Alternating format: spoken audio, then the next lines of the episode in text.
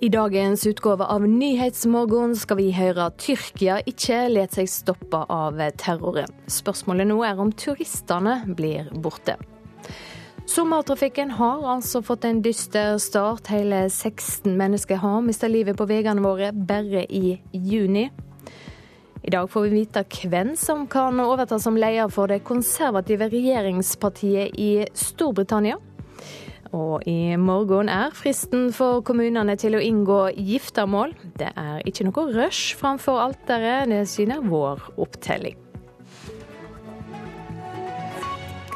Riktig god morgen i studio i dag, Silje Sande. Militante grupper skal ikke få stoppa Tyrkia i å nå sine mål, det sier president Erdogan. Terrorangrepet har ført til en rekke internasjonale reaksjoner. President Barack Obama i USA understreker at samarbeidet med Tyrkia for å slå tilbake IS holder fram. Türkiye'yi hedeflerine ulaşmaktan ne PKK'sı ne YPG'si President Erdogan er krystallklar. Verken PKK, IS eller andre opprørsgrupper skal lukkes. Tyrkia vil nå sine mål. Og Tyrkia skal overvinne de militante gruppene. Bunlar ne Müslümanı ya? Bunlar ila cehenneme zümera ya. Oraya gidici bunlar. Bunlar cehenneme Gjerningsmennene bak bombene på flyplassen er ikke muslimer. De vil ende i helvete, holdt han fram i en tale på en ramadan-middag i hovedstaden Ankara i går kveld. Styresmaktene i Tyrkia hevder at det er IS som står bak angrepet på Atatürk-flyplassen i Istanbul. Stadig flere angrep og en felles internasjonal kamp mot terrorgruppa øker intensiteten, også retorikken. USA-president Barack Obama sier et tett samarbeid er nødsynt for å overvinne IS. We're still learning all the facts, but we know this is part of our broader shared fight against terrorist networks, and we will continue to work closely with Turkey to root them out. Han mener det fremdeles er mulig å stoppe terrorgruppa. I'm confident that we can and we will defeat those who offer only death and destruction, and we will always remember, even as there are those who are trying to divide us, that we are stronger when we come together and work toward a better world together. Reporter Ann Irén Finstad. Og på hovedflyplassen i Istanbul er sporene etter åtaket tydelige. Passasjerene på flyplassen er prega av tragedien som skjedde for bare halvannet døgn siden. Det er en jevn strøm av passasjerer og drosjer i ankomstområdet her på Atatürk-flyplassen i Istanbul. Oppryddingsarbeidet etter terrorangrepet er godt i gang, men det er skuddhull i flere av vinduene, og reklameskiltene og et stort område er sperret av og inngjerdet.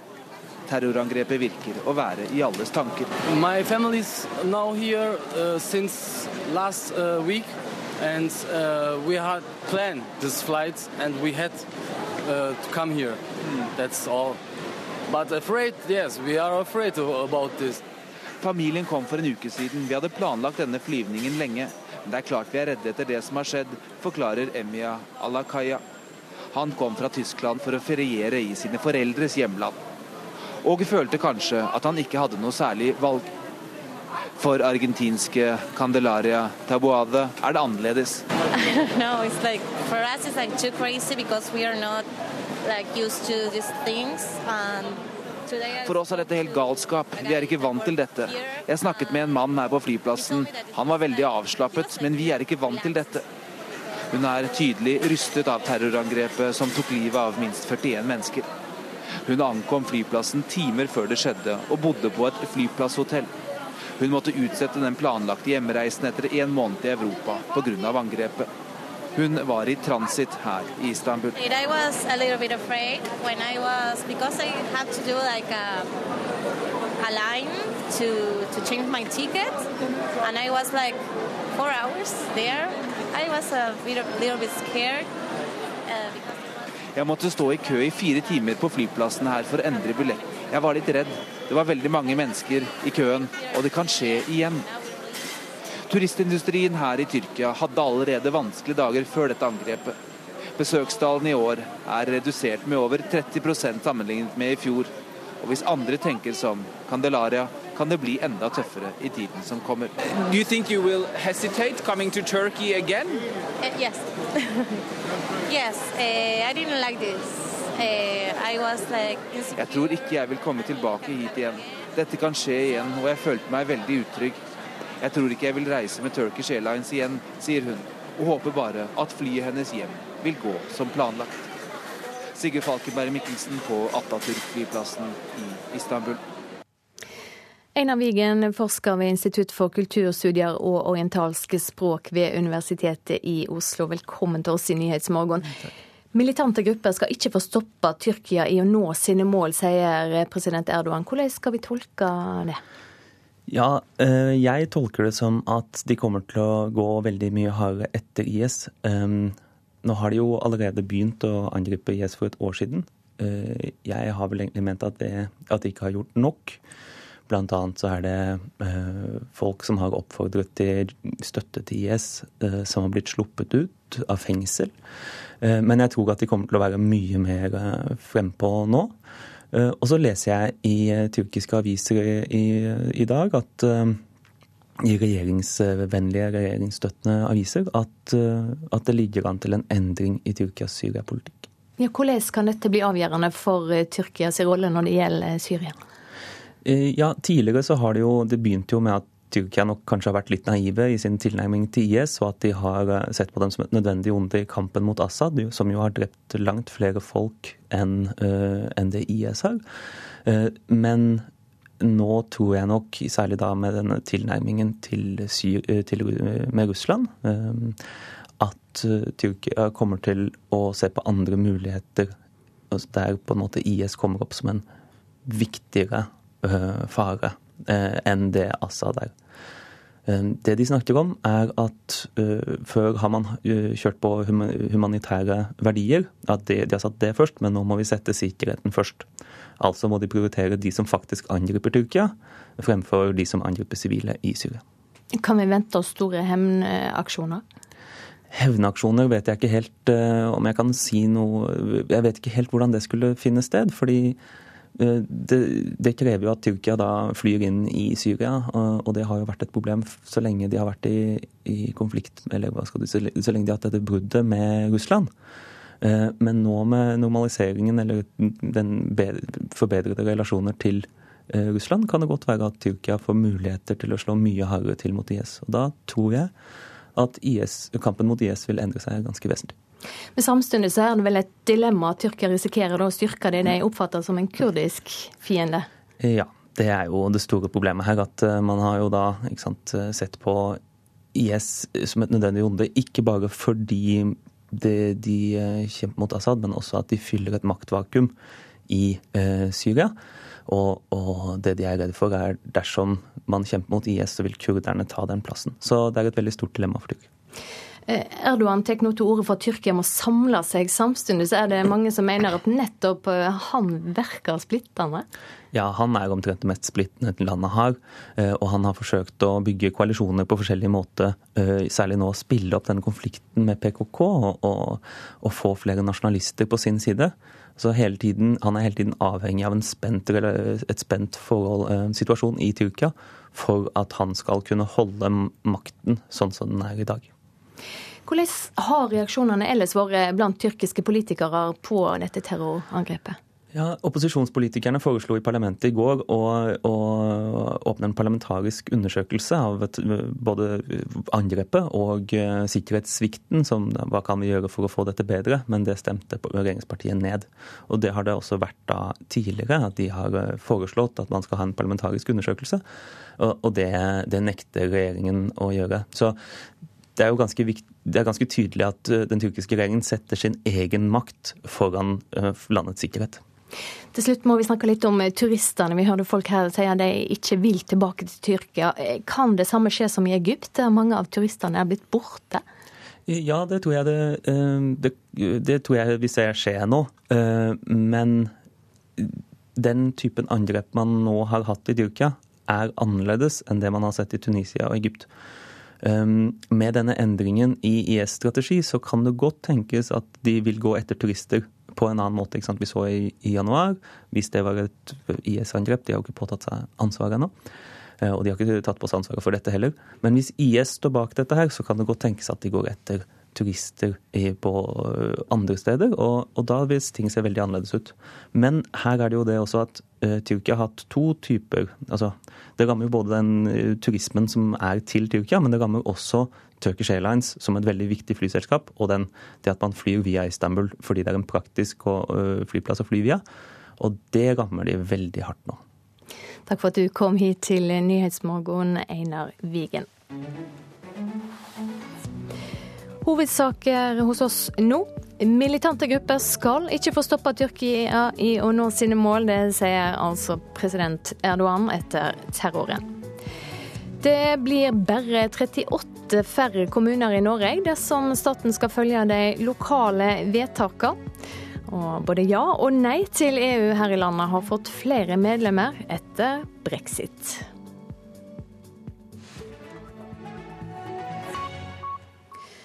Først nå om eh, sommertrafikken, som har fått en dyster start. Hele 16 mennesker har mista livet på veiene i juni. Totalt har 63 mennesker mista livet i trafikken hittil i år, og Statens vegvesen frykter nå flere alvorlige sommerulykker. Campingturist Jarle Utne Reitan har sjøl sett flere nestenulykker de siste dagene. Vi hadde en opplevelse i går når vi kjørte over Haukeli, hvor det var en som hadde det fryktelig travelt. og hvor eh, Grunnen til at det gikk seint, var at et vogntog lenger framme skulle svinge av. Og eh, Rett før vi kom hit i dag, så var det en bil som var på vei over i vårt kjørefelt. Hva han gjorde, vet jeg ikke, men han var på vei over til oss i alle fall. Situasjonene campingturist Jarle Utne Reitan beskriver er på ingen måte unik for tida vi går inn i. I løpet av sommeren skjer det nærmere 2000 trafikkulykker. I juni mista 16 mennesker livet. Det er nesten dobbelt så mange som i juni i fjor. Ja, vi syns det er en urovekkende økning. Vi har 16 eh, flere drepte i trafikken i år sammenlignet med i fjor, og det er eh, triste tall. Det sier Rita Helen Aarvold fra Vegdirektoratet. I fjor var antall drepte i trafikken rekordlavt, så trenden er fortsatt positiv. Men sommeren i år har fått en dyster start. Sommermånedene er uh, typiske ulykkesmåneder, og vi ser en eh, økning i uh, antall ulykker. Og snittet på de siste fem årene så ser vi at det er 49 mennesker som ofte omkommer i, i sommermånedene. Høy fart og økt trafikk er noe av grunnen til at sommerulykkene får så alvorlige konsekvenser, sier Bård Morten Johansen i Trygg Trafikk. Det er ofte flere i én bil, f.eks. Eh, det blir mer motorsykler, mer fremmedtrafikk. Turister som kjører i områder de ikke er vant til. Eh, både om de kommer fra utlandet eller de forflytter seg innenfor eh, eget land. Tallene viser at det fortsatt er flest menn som mister livet i trafikken. Det er flere menn på veien, eh, men i tillegg så har de også en eh, høyere risikoatferd i veitrafikken enn det kvinner har. Årvoll oppfordrer nå bilister til å være oppmerksom. Kjøre ut forholdene, holde fartsgrensen, bruke bilbelte. Er de trøtte, så stoppe og sov. Pakk bilen riktig og eh, kjør forsiktig. Reporter Tanita Kveinå. I morgen går fristen ut for norske kommuner. Da må de ha meldt inn om de ønsker å slå seg sammen eller stå alene. NRK har gått gjennom alle kommunestyrevedtakene som er gjort, og gjennomgangen viser at det ligger an til 27 frivillige sammenslåinger. Det gjør at kommunetallet vil bli 390. Reformhåpet var at de aller fleste skulle finne noen å gå sammen med. I morgen er dagen kommet. Fristen kommunene har for å melde fra om hvem de vil dele livet videre med. Men det er ikke noe rush ved alteret. 85% av nåværende kommuner har ikke funnet seg noen. Nei, For de som eh, var opptatt av at man skulle få en storstilt kommunesammenslåing, så er jo det her en total fiasko. Sa fylkesrådsleder Thomas Nordvold i Nordland til NRK i går. Der i fylket skjer ingen sammenslåinger frivillig nå. 44 kommuner kommer fortsatt til å være 44 hvis de frivillige prosessene skal få være siste ord. Per dags dato så ser det ikke ut som at eh, det blir sammenslåinger. Sier fylkesmannen i Nordland, Hill-Marta Solberg. Det har vært mange gode prosesser i Nordland, men eh, det er likevel folks usikkerhet om hvor langt blir det kommunesenteret mitt, og blir vi bare en utkant i en større kommune. På nrk.no kan du finstudere norgeskartet. Der har vi gitt blåfarge til kommuner som ønsker sammenslåing, og rosa til de som sier nei takk. Det ser temmelig rosa ut. Men mange større kommuner har blåfarge. De håper på å slå seg sammen med andre, men er omgitt av skeptiske naboer som ikke vil. Eksempel er Bergen, Fredrikstad, Sarpsborg, Tromsø, Kristiansund, eller Bodø og Narvik i Hilmarta Solbergs rike. De har liksom ikke funnet den riktige partneren, for å si det sånn. Men noe skjer jo. Det vil gå fra dagens 428 kommuner til 390, som et resultat av frivillig sammenslåing, viser NRKs opptelling. Og når sommerfylket Vestfold bikker over i juli, kan fylkesmann Erling La fornøyd oppsummere kommunetallet. Vi har 14, det blir 6. Neste steg i kommunereformen er at fylkesmennene skal gi råd til staten om framtidig kommuneinndeling i deres fylke. Erling La har rapporten klar allerede dagen før kommunene har frist. Han peker på gode, frivillige prosesser. Du kan ikke utrede deg frem til hvem du skal gifte deg med. Du må ta et valg, og så må du sørge for at det er vellykket. Men i både Aust-Agder, Hedmark, Oppland og Troms er situasjonen som i Nordland. Det skjer ingen frivillige sammenslåinger. Dermed må fylkesmennene, som Hill-Marta Solberg i Nordland, vurdere om de skal tilrå tvangsgiftermål. Det er ikke noen grunn til å tro at det ikke vil komme nye runder med kommunestrukturendringer i dette landet vårt, som også vil berøre Nordland.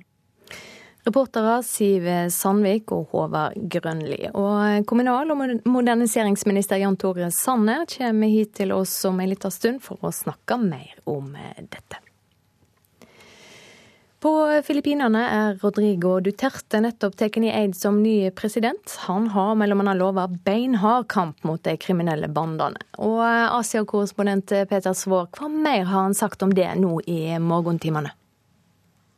Ja, Som ventet så brukte han jo eh, talen sin ved presidentinnsettelsen til å love en fortsatt hensynsløs kamp mot kriminaliteten. og Det var jo det han gikk til valg på. Å utrydde kriminaliteten innen seks måneder.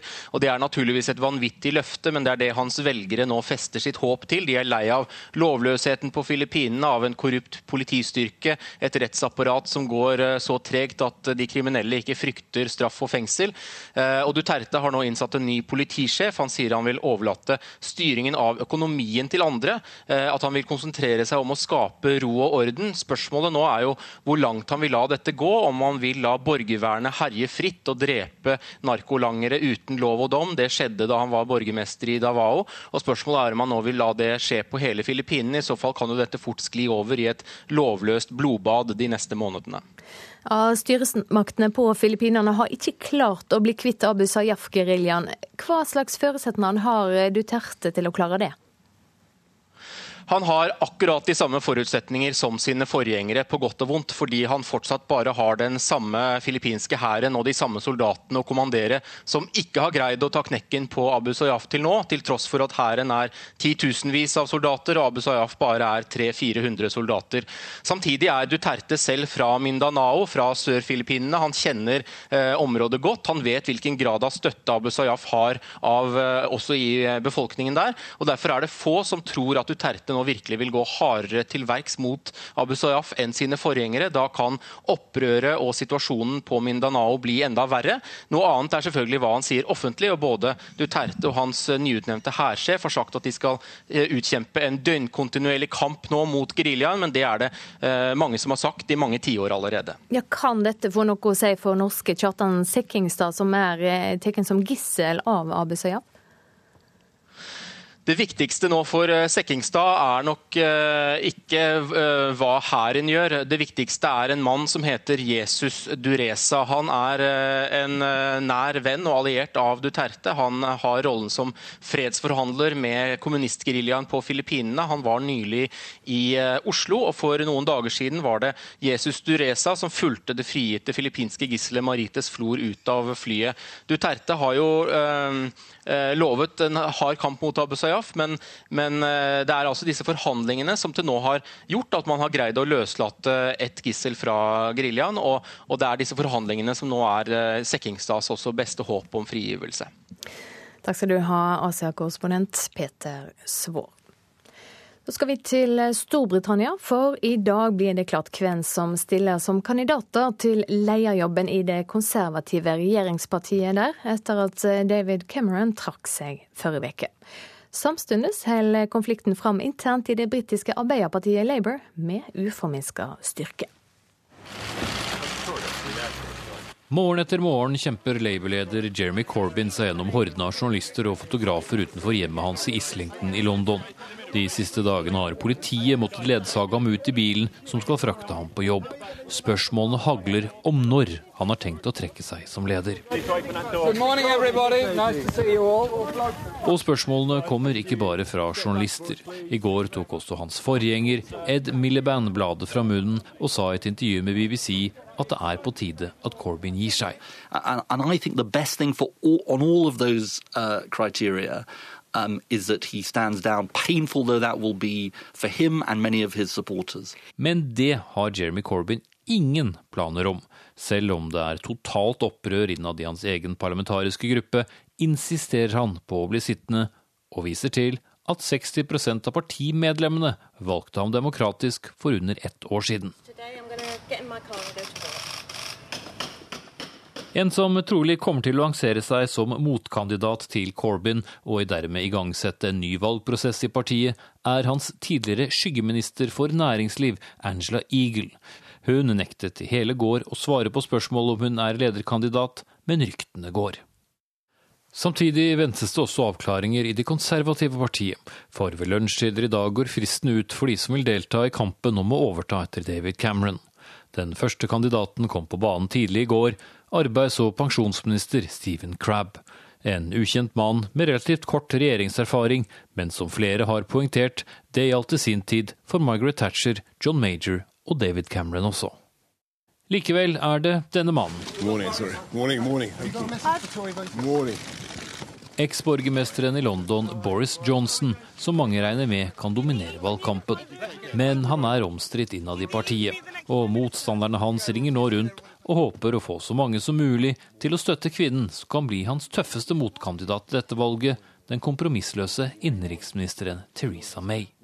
Med så mye uavklart i Storbritannias to største politiske partier, fortsetter også maktvakuumet som snart har vart i en hel uke. Samtidig som 27 gjenværende land i EU fortsetter med sitt. Espen Aas, London. Vi skal se på dagens avisframsider. Det har snudd på Vestlandet, er gladmeldinga i Dagens Næringsliv. Nå varsler store aktører slutt på nedbemanninga. Det blir inngått nye storkontrakter, og det er full fart i hyttesalet. Utlendingsdirektoratet har betalt 60 millioner kroner for ubrukte plasser, ifølge Stavanger Aftenblad. UDI bruker bare 172 av 1000 plasser på Forus transittmottak, men betaler full pris til investoren som driver mottaket.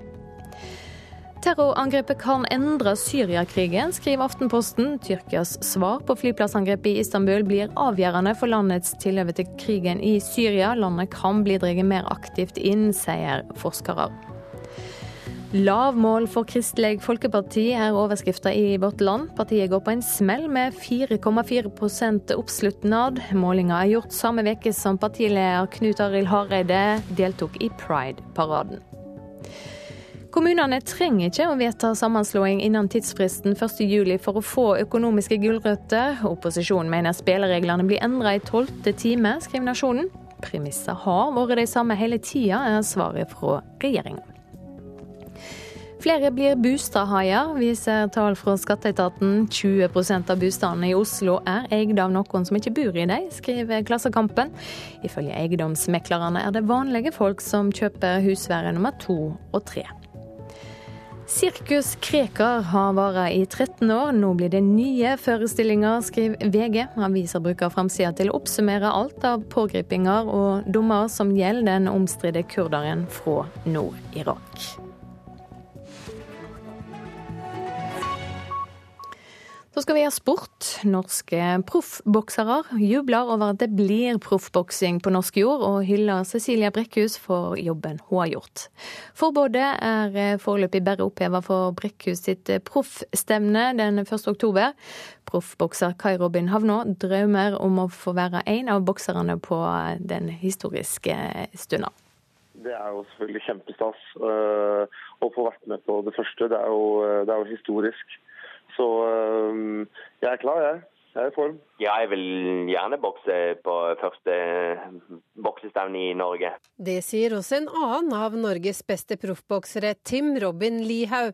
Han har fulgt Brekkhus kamp mot forbudet, og hyller den jobben hun har gjort. Først av alt så er jeg veldig glad på hennes vegne. Hun har kjempet veldig lenge for dette. og eh, hun har jo ventet i mange mange år for å få dette til, og endelig får hun det til nå. Og Det er stort for norsk boksing, og det er det er stort for alle som liker idrett, egentlig. Og også Havnå er imponert over Brekkhus. Det er jo en uh, kjempebra jobb uh, hun har lagt ned der. Uh, både selvfølgelig på det sportslige ved å være så god, men også som en idrettsstjerne utad. Så viser hun boksesporten fra en veldig bra side. Det er all ære til henne for både ja, det sportslige og all jobben hun har gjort. Altså. Det er helt uvirkelig, altså. Det sa Brekkhus etter at sju års kamp for å ta knekken på forbudet i Norge endelig ble vunnet. Foreløpig er forbudet bare opphevet for denne ene kampen den 1. oktober, men Brekkhus advokat Jon Christian Elden mener det nå ikke er mulig å forby flere proffkamper om andre følger deres oppskrift. Ja, Dette baner jo klart veien for eh, flere kamper. for Nå har vi jo fått oppskriften på plass. og Da er det jo å overholde oppskriften som gjør at man vil få anledning til å bokse. Ja, Det regner jo med. Det håper jeg nå. Så det er absolutt 100 sikker på at det, det gjør det. Cecilia Brekkhus til reporter Susann Michaelsen.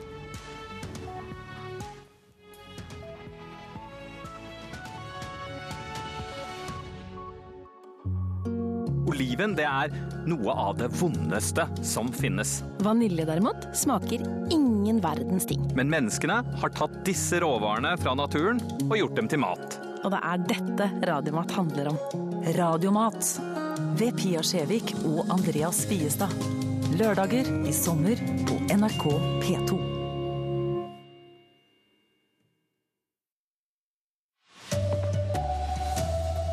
Vegvesenet frykter ulykker på sommerveiene. Flere har mista livet i trafikken i år enn i fjor. Stormaktene lover mer støtte til Tyrkia i kampen mot terror. Det blir bare 38 færre kommuner i landet dersom staten skal følge lokale vedtak. Her er NRK Dagsnytt klokka 7.30. 63 mennesker har mista livet i trafikken til nå i år. Det er 16 flere enn på samme tid i fjor, og Statens vegvesen frykter nå flere alvorlige sommerulykker. Campingturist Jarle Utne Reitan har vært vitne til flere nestenulykker de siste dagene. Vi hadde en opplevelse i går når vi kjørte over Haukeli, hvor det var en som hadde det fryktelig travelt. og hvor eh, Grunnen til at det gikk seint, var at et vogntog lenger framme skulle svinge av. Og eh, Rett før vi kom hit i dag, så var det en bil som var på vei over i vårt kjørefelt. Hva han gjorde, vet jeg ikke, men han var på vei over til oss i alle fall. Situasjonene campingturist Jarle Utne Reitan beskriver er på ingen måte unik for tida vi går inn i. I løpet av sommeren skjer det nærmere 2000 trafikkulykker. I juni mista 16 mennesker livet. Det er nesten dobbelt så mange som i juni i fjor. Ja, vi syns det er en urovekkende økning. Vi har 16 eh, flere drepte i trafikken i år sammenlignet med i fjor, og det er eh, triste tall. Det sier Rita Helen Aarvold fra Veidirektoratet. I fjor var antall drepte i trafikken rekordlavt, så trenden er fortsatt positiv. Men sommeren i år har fått en dyster start. Vi ser en økning i eh, antall ulykker. Eh, og snittet på de siste fem årene så ser vi at eh, det er 49 mennesker som ofte omkommer i, i sommermånedene. Høy fart og økt trafikk er noe av grunnen, sier Bård Morten Johansen i Trygg Trafikk. Det blir mer motorsykler, mer fremmedtrafikk, turister som kjører i områder de ikke er vant til. Eh, både de kommer fra utlandet eller de får flytte seg innenfor eh, eget land. Vegvesenet oppfordrer nå bilister til å ta hensyn. Kjøre etter forholdene, holde fartsgrensen, bruke bilbelte, pakk bilen riktig og eh, kjør forsiktig. Reporter Tanita Kveino. På hovedflyplassen i Istanbul er sporene etter terroråtaket tirsdag kveld tydelige. Passasjerene på flyplassen er prega av tragedien. Det er en jevn strøm av passasjerer og drosjer i ankomstområdet her på Atatürk-flyplassen i Istanbul. Oppryddingsarbeidet etter terrorangrepet er godt i gang, men det er skuddhull i flere av vinduene og reklameskiltene, og et stort område er sperret av og inngjerdet. Terrorangrepet virker å være i alles tanker. We had planned this flight and we had uh, to come here. Mm. That's all. But afraid, yes. Familien kom for en uke siden. Vi hadde planlagt denne flyvningen lenge. Men det er klart vi er redde etter det som har skjedd, forklarer Emia Alakaya. Han kom fra Tyskland for å feriere i sine foreldres hjemland. Og følte kanskje at han ikke hadde noe særlig valg. For argentinske Candelaria Tabuade er det annerledes. Like, like, for oss er dette helt galskap. Vi er ikke vant til dette. Hun er tydelig rystet av terrorangrepet. Hun ankom flyplassen timer før det skjedde, og bodde på et flyplasshotell. Hun måtte utsette den planlagte hjemreisen etter en måned i Europa pga. angrepet. Turistindustrien her i Tyrkia hadde allerede vanskelige dager før dette angrepet. Besøkstallene i år er redusert med over 30% sammenlignet med i fjor. Og hvis andre tenker som Candelaria, kan det bli enda tøffere i tiden som kommer. Do you think you will hesitate coming to Turkey again? Yes, uh, I didn't like this. Uh, I was like... Jeg tror ikke jeg vil komme tilbake hit igjen. Dette kan skje igjen, og jeg følte meg veldig utrygg, sier hun. Og håper bare at flyet hennes hjem vil gå som planlagt. Sigurd Falkenberg Mikkelsen på Atatürk-flyplassen i Istanbul. Ja, Sigurd Falkenberg Mikkelsen, du er også med oss eh, nå. Hva mer blir gjort på etterforskningsfronten for å finne ut hvem som står bak? Politiet går jo nå gjennom eh, overvåkningskameraene. De forhører vitner, og de forsøker eh, via sykehuset og prøve å finne ut hvem som sto bak, og identifisere eh, gjerningsmennene. Innenriksminister Efkan Ala eh, sier at det var en alvorlig og stor etterforskning i gang, og sier at de første, første, tegnene tyder på at det er IS som står bak, men de er ennå ikke sikre. Vi har også hørt fra CIAs direktør John Brennan at dette er et angrep som bærer IS-karakteristikker, men ingen har jo gått ut og tatt på seg skylden for dette angrepet ennå. USA og Russland har lova mer støtte til Tyrkia. Hvordan vil det påvirke den videre kampen mot terroristene? Det er ikke noe tvil om at eh, IS eh, er en prioritering for eh, stormaktene, og også da for Tyrkia. Og at Tyrkia har blitt et av IS hovedmål, kan det virke som nå. Det gjør at situasjonen her kan også eskalere i tiden som kommer, ettersom IS presses mer og mer i sine kjerneområder inne i Syria og Irak. Hjem igjen eh, nå. Det kommer til å bli 390 norske kommuner i framtida, dersom en skal følge de sammenslåingsvedtakene som er gjort lokalt. Det syner en gjennomgang NRK har gjort av alle norske kommunestyrevedtak. Innen i morgen må alle kommuner ha meldt inn om de ønsker å slå seg sammen eller stå alene, og det er store forskjeller på sammenslåingsvilja rundt omkring i landet per dags dato så ser det ikke ut som at eh, det blir sammenslåinger eh, i, i Nordland. Det sier fylkesmann i Nordland, Hill-Marta Solberg. NRKs gjennomgang viser det samme. Det blir ingen frivillige sammenslåinger der i fylket, sjøl om noen av de større, f.eks. Bodø og Narvik, ønsker å lage nye kommuner. Her er kommuner som har vært positive og gjort vedtak om at de ville slå seg sammen, eh, men de har liksom ikke funnet den riktige partneren, for å si det sånn. Og det bildet finner vi også andre steder. Nesten ni av ti norske kommuner kommer til å holde fram som før. For det hjelper lite at Bergen, Fredrikstad, Sarpsborg og Tromsø er åpne for giftermål, hvis ingen vil være sammen med dem. Du kan ikke utrede deg frem til hvem du skal gifte deg med. Du må ta et valg, og så må du sørge for at det er vellykket.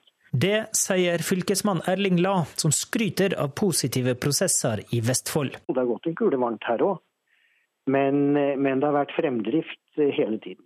Der blir det faktisk mer enn halvering av kommunetallet. Vi har 14, det blir 6. Nå skal nettopp fylkesmennene gi råd om framtidig kommuneinndeling i sine fylker. Erling Las råd er å følge kommunene sine avtaler. Men hva gjør de i Nordland, Aust-Agder, Hedmark, Oppland og Troms, der det ikke ligger an til ei eneste sammenslåing som følge av lokale vedtak? Dersom kommunestyrene sjøl får siste ord, ender Norge opp med 390 kommuner. 38 færre enn i dag, viser NRKs gjennomgang. Ja, Du kan se alle detaljene i vårt kommunekart på nrk.no. Reportere Siv Sandvik og Håvard Grønli. Kommunene trenger ikke vedta en sammenslåing innen fristen for å få økonomiske midler. Det skriver Nasjonen. Fristen for å melde inn sammenslåinger går altså ut i morgen.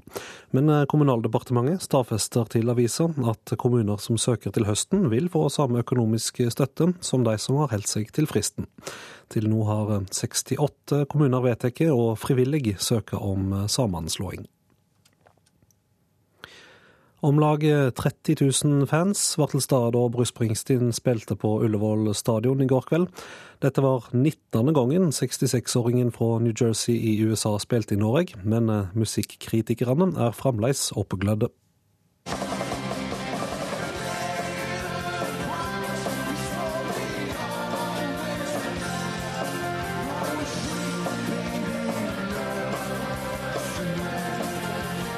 Slik låt det da Bruce Springsteen og The E Street Band spilte på et utsolgt Ullevål stadion i Oslo i går kveld.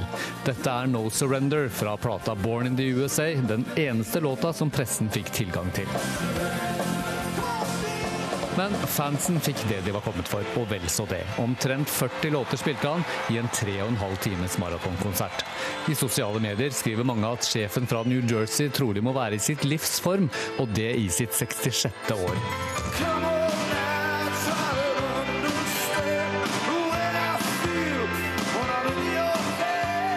Både Aftenposten, VG og Dagbladet gir Springsteen terningkast fem for den 19. konserten han spilte i Norge. Og når konsertene i Frognerparken og i Granåsen er over i slutten av juli, har han altså rundet 21. Men vi bruker likevel ikke begrepet norgesvenn, for nå om dagen synes hele verden å eie litt av Bruce Springsteen. Det er tross alt bare tre dager siden han spilte sin andre utsolgte konsert i Gøteborg.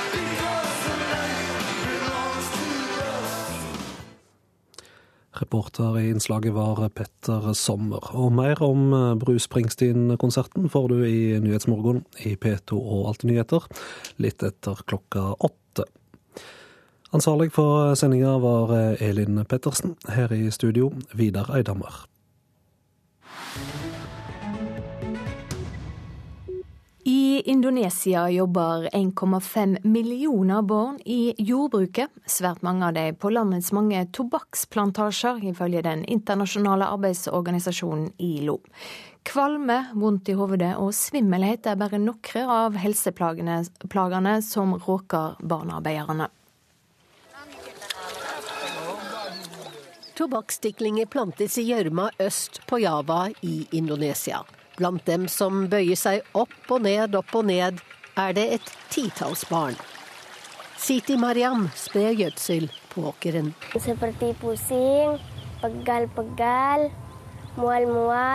Jeg føler meg svimmel, har smerter og er kvalm, sier hun til nyhetsbyrået Reuters. Arbeidsdagen hennes er på sju timer. Hun og de andre barna tjener mindre enn ni kroner dagen. Untuk membantu orang tua jeg jobber her for å hjelpe foreldrene mine slik at vi kan klare oss, forteller Varadatul Yaumi. Og det er nettopp slik det er over hele Indonesia. Fattige barn blir tatt ut av skolen for å bidra til familiens økonomi. De planter, sprøyter, høster, tørker og bunter tobakk. Til tross for at det er ulovlig å ansette barn under 15 år, 18 år i et miljø som defineres som farlig. Suradi er tobakksbonde. Når jeg selger den videre, er kjøperne bare opptatt av kvaliteten. De spør ikke om jeg ansetter barn, eller om de jobber sammen med foreldrene sine, eller hvem det er som kutter tobakken, sier han.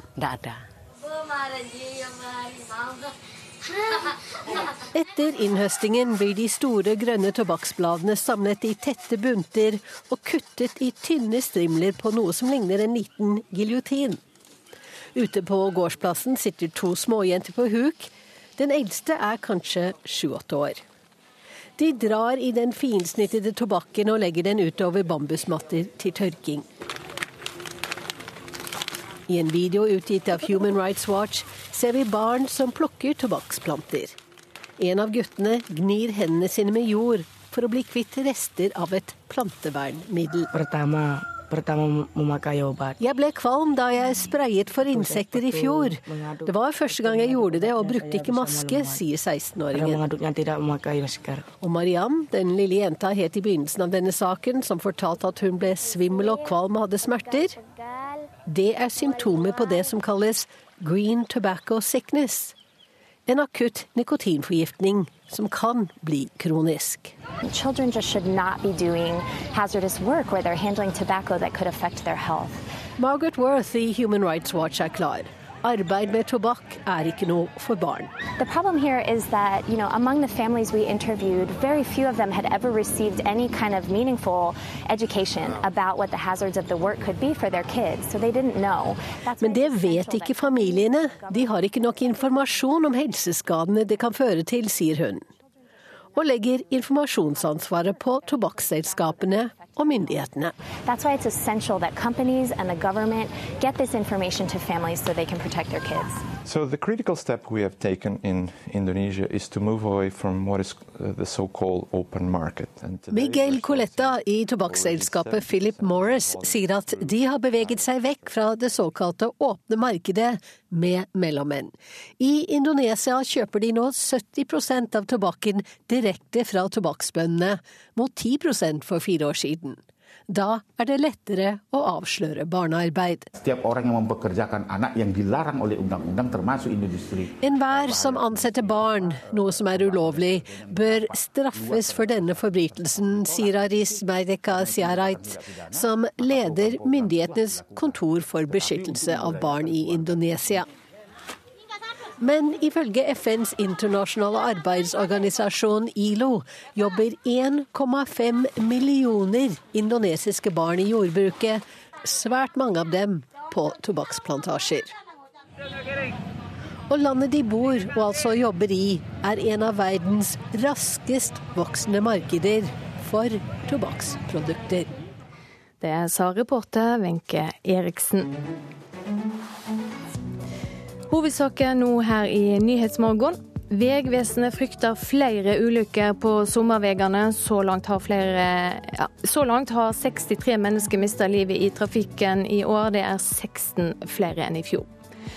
Stormaktene lover mer støtte til Tyrkia i kampen mot terror. Og på Filippinene er Rodrigo Duterte tatt i eid som ny president i dag. Han har bl.a. lova beinhard kamp mot kriminelle.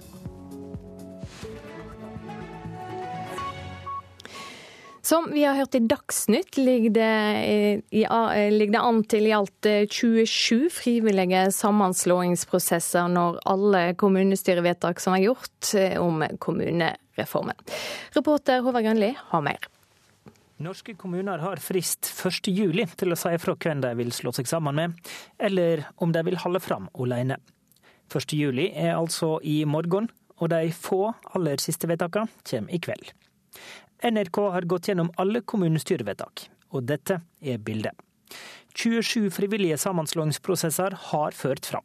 Det kan bli noen flere, fordi noen har fått lov til å utsette prosessen til høsten. I de fleste tilfeller der det blir sammenslåing, er det to kommuner som går sammen. I noen få tilfeller er det flere kommuner. I alt fører disse frivillige prosessene til at vi går fra 428 norske kommuner i dag til 390. Det store flertallet av norske kommuner, to tredeler, vil fortsatt stå alene. Selv om en god del også vil bli større kommuner, så fører ikke det nødvendigvis fram. En vesentlig del av bildet er nemlig at minst 40 kommuner er positive til sammenslåing, uten at det hjelper. For de har ikke noen partner som ønsker å gå sammen med dem. I mange tilfeller er dette bykommuner som gjerne vil utvide sitt areal, men nabokommunene rundt har ikke vært like begeistra for den ideen. Så om vi ender opp der, da, på 390 kommuner, er det bra nok? Ja, Jan Tore Sanner, kommunal- og moderniseringsminister. Er det bra nok med 390, eh, om det blir det endelige tallet på norske kommuner? Ja, Nå er det jo ikke tallet som er viktig. Det som er viktig, det er tjenestetilbudet til, til innbyggerne. Eh, og det vi nå ser, det er at det går riktig retning. Eh, faktisk så har vi nå kommet lenger i løpet av tre år i reduksjon av antall kommuner enn det man har klart på over 50 år. Så jeg er glad for at det går i riktig retning, og det er bra for tjenestebudet til innbyggerne. Men altså ikke flere enn 27 sammenslåingsprosesser som fører fram lokalt innen fristen. Hvordan forklarer du det? Jeg hører du sier ikke mer enn. Eh, hvis du hadde spurt eh, folk for et år siden eller to, to, så tror jeg få hadde regnet med at vi hadde klart å komme så langt. Vi har hørt i Dagsnytt om forskjell på Vestfold, som mer enn halverer kommunetallet, og Nordland, der ingen sammenslåingsvedtak fører fram, om ikke staten da kommer til å overprøve lokale vedtak. Hvordan forklarer du forskjell? Ja, Det sier nok ganske mye om eh, det mangfoldige landet vi, vi, lever i. Noen steder så har kommunereformen vært veldig moden. Eh, Vestfold er et eksempel eh, på det. Der går man fra 14 til 6 eh, kommuner. Og det er ingen tvil om at ordførerne fra Senterpartiet, fra Høyre, fra Arbeiderpartiet i Vestfold, de har vist stort lokalt lederskap. Og de får til en god kommunestruktur som er bra for innbyggerne. Så er det riktig at i Nordland er det et fylke hvor det skjer, hvor det skjer lite. Og hvor det burde ha skjedd mer. Fordi at I Nordland så har du mange kommuner som er altfor små for de store oppgavene de har ansvaret for. Mange kommuner, eller Alle kommuner har i dag ansvar for eh, barnehager, skoler, sykehjem, eldreomsorg, rus, psykisk helse barnevern. Og Det var som en rådmann eh, sa til meg etter at jeg hadde holdt et foredrag oppe i Nordland, så sa han at du, Sanner, eh, jeg er enig i alt du har sagt. Alle i administrasjonen er, er, også enig i det.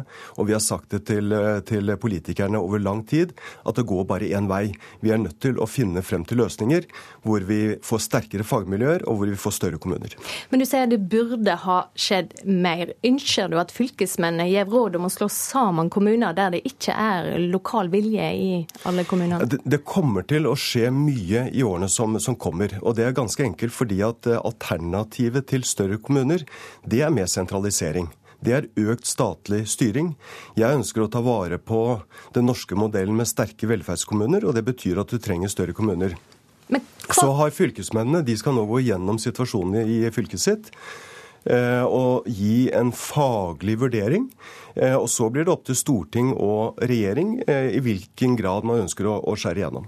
Du bruker ordet velferdskommune. Hva betyr egentlig det? Er det noe annet enn en vanlig kommune? Det handler om at du trenger sterke fagmiljøer. Eh, for kommunene har ansvaret for de mest sårbare blant oss. Eh, og hvis du har én som jobber i barnevernet, så er det et sårbart fagmiljø.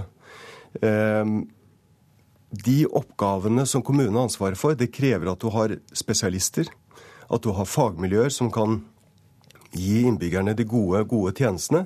Eh, og når vi flytter oppgaver og ansvar til kommunene, ja, så må du ha disse fagmiljøene for å gi innbyggerne gode tjenester. Og hvis vi ser litt fremover i tid, så blir det flere eldre, flere med store omsorgsbehov og færre yrkesaktiv alder.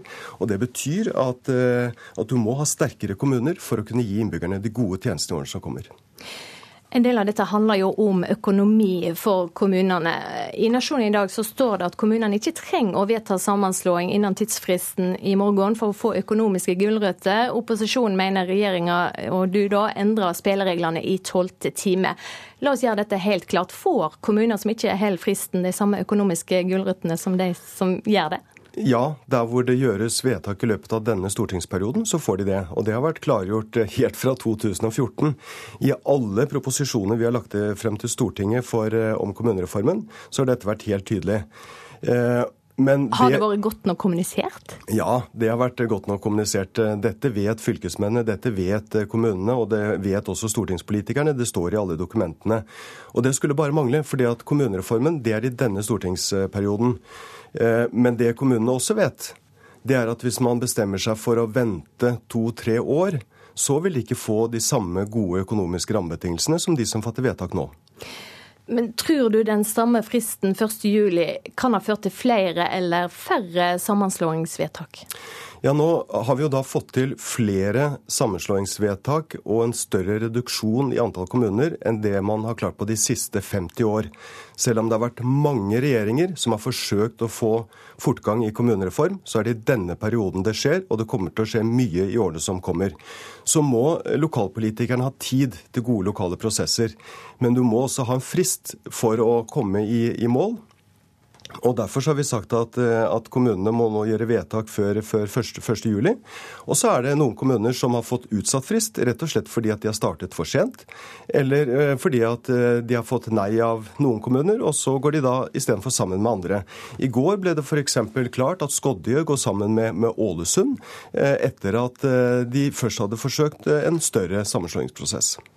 Hva ser du for deg for disse kommunene, minst 40 som har sagt ja, men som ikke har en partner klar? Ja, hvis du, på, hvis du, ser på, hele bildet, så er det faktisk 127 kommuner som har sagt ja. Og halvparten av Norges befolkning bor nå i en kommune som har sagt ja til eh, kommunesammenslåing, som har sagt at vi står sterkere sammen. Jeg tror det kommer til å skje mye i årene som, som kommer. Ganske enkelt fordi at alternativet til sterkere velferdskommuner, det er ikke at ting fortsetter som før. Eh, vi har strammere økonomisk situasjon i årene som kommer. Kommunene har mange oppgaver. Eh, så de kommunene som nå går sammen, de får gode økonomiske rammebetingelser. De vil stå sterkere, de vil kunne gi innbyggerne bedre tjenester. Og jeg tror nok at mange naboer kommer etter hvert til å se at det er veien å gå. Men du sier 127 har sagt ja, men bare 65 har sagt ja og har en sammenslåing klar? Ja, jeg hører igjen at du, at du sier at bare. Jeg mener at, eh, at vi har grunn til å, å, være fornøyd med at det nå går i, i, riktig retning. Ikke minst vil jeg gi stor honnør til lokalpolitikere fra hele landet, fra Senterpartiet, fra Arbeiderpartiet, fra Høyre, Venstre og KrF, som nå har jobbet godt med kommunereformen og som har gjort det ut ifra at de skal sikre innbyggerne gode tjenester, at de skal legge til rette for god samfunnsutvikling i sitt eh, område. Mange har kommet i, i mål, eh, og flere vil komme i mål i årene som kommer. Takk for at du kom i studio til oss, Jan Tore Sanner, kommunal- og moderniseringsminister. Og vi tar med at eh, du kan se alle detaljene om kommunesammenslåinger på vårt kommunekart på nrk.no.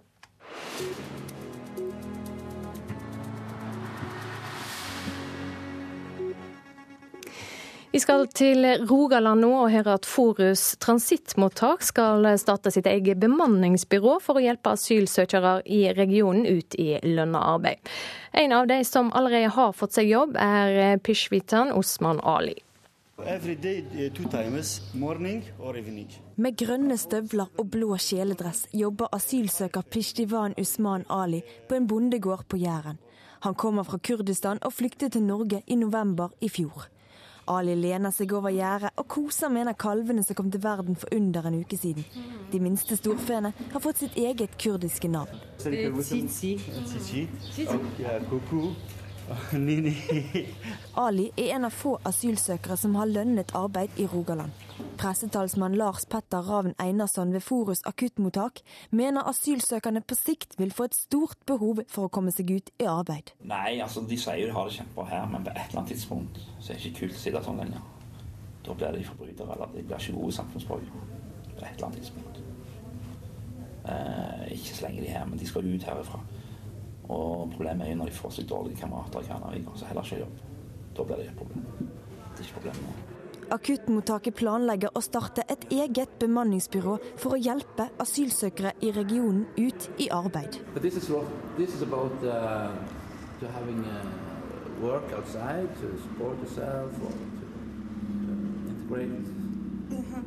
Is that a good thing?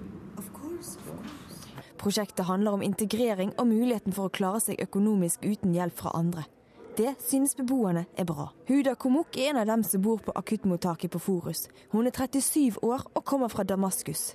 Hun har blitt kjent med mange siden hun kom til Stavanger, og jobber flere timer i uken som frivillig. Um, uh, Syria, I did a lot of volunteering. Hun jobbet som frivillig i hjemlandet også, og mener at frivillig arbeid er en måte å hjelpe samfunnet til å hjelpe henne. Einarsson tror dette vil bety mye for beboerne. Én ting er jo det med, med, pengene, men minst like viktig for de er det å, å kunne bidra, som de sier. De er veldig takknemlige sier Einarsson. Akuttmottaket har søkt etter en person som kan hjelpe med å starte prosjektet. Og så er det dette med lover og regler som vi snakker om. Det er jo komplisert for oss. Så vi må ha en person som skal sette seg grundig inn i dette. Det er andre regler som gjelder for asylsøkere. Alle de tingene skal vi lage en god oversikt på, lage en mal på det.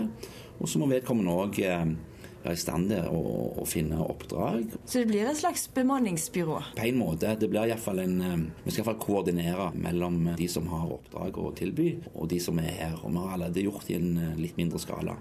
Bare via Facebook så har vi fått en 12-13 eh, oppdrag. Ali har ansvar for å holde fjøset rent, stelle kyrne og passe kalvene.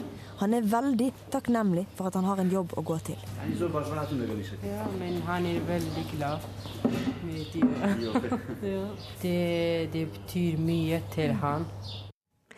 Ja, Det sa til slutt tolken Savin Abdullah Rashid. Reporter her Ingvild Lygren.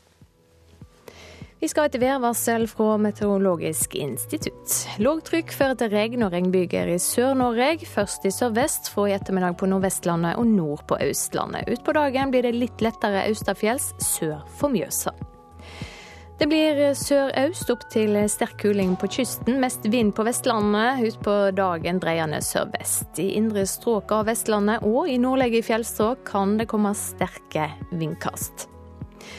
Trøndelag og Nordland får øst eller sørøst frisk bris utsatte steder. Perioder med sol, men spredde regnbyger i grensetraktene. Om kvelden litt regn i Trøndelag. Troms og Finnmark får mye fint vær, men i indre strøk blir det enkelte regnbyger og lokalt torvær. Først på dagen nordøst frisk bris på kysten, senere sørlig. Spitsbergen får rolige vinterløve, opphold og lokale skoddeskyer. Så har vi temperaturlista, og det var målt eh, klokka fem i dag tidlig. Svalbard lufthavn 6, Kirkenes, Vardø og Alta hadde alle 14 grader. Tromsø-Langnes 11. Bodø 15, Brønnøysund 17, Trondheim-Værnes 16, Molde 12. Bergen-Flesland, der har vi ikke fått inn eh, temperaturen. Både Stavanger, Kristiansand, Kjevik og Gardermoen og Lillehammer hadde 12 grader. Røros 9, og på Oslo-Blindern var det målt 14 eh, grader klokka fem i dag tidlig.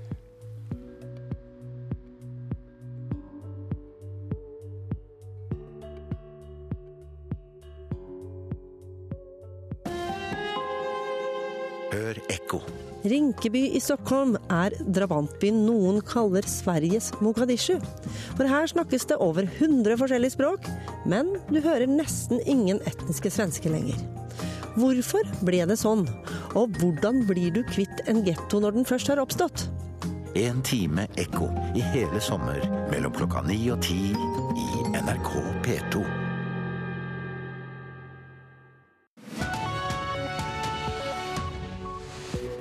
Her i Nyhetsmorgen skal vi straks høre at terrorangrepet mot flyplassen i Istanbul vil komme til å endre Tyrkia sin eh, Syria-politikk.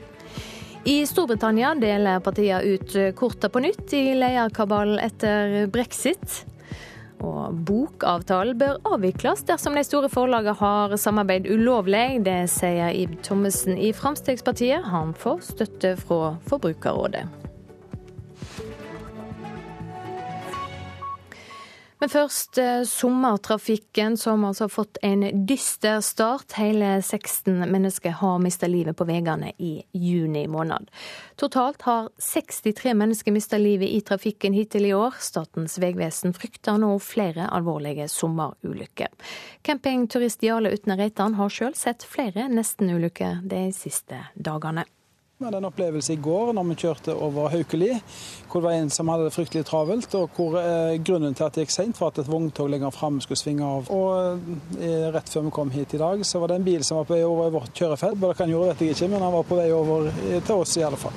Situasjonene campingturist Jarle Utne Reitan beskriver er på ingen måte unik for tida vi går inn i.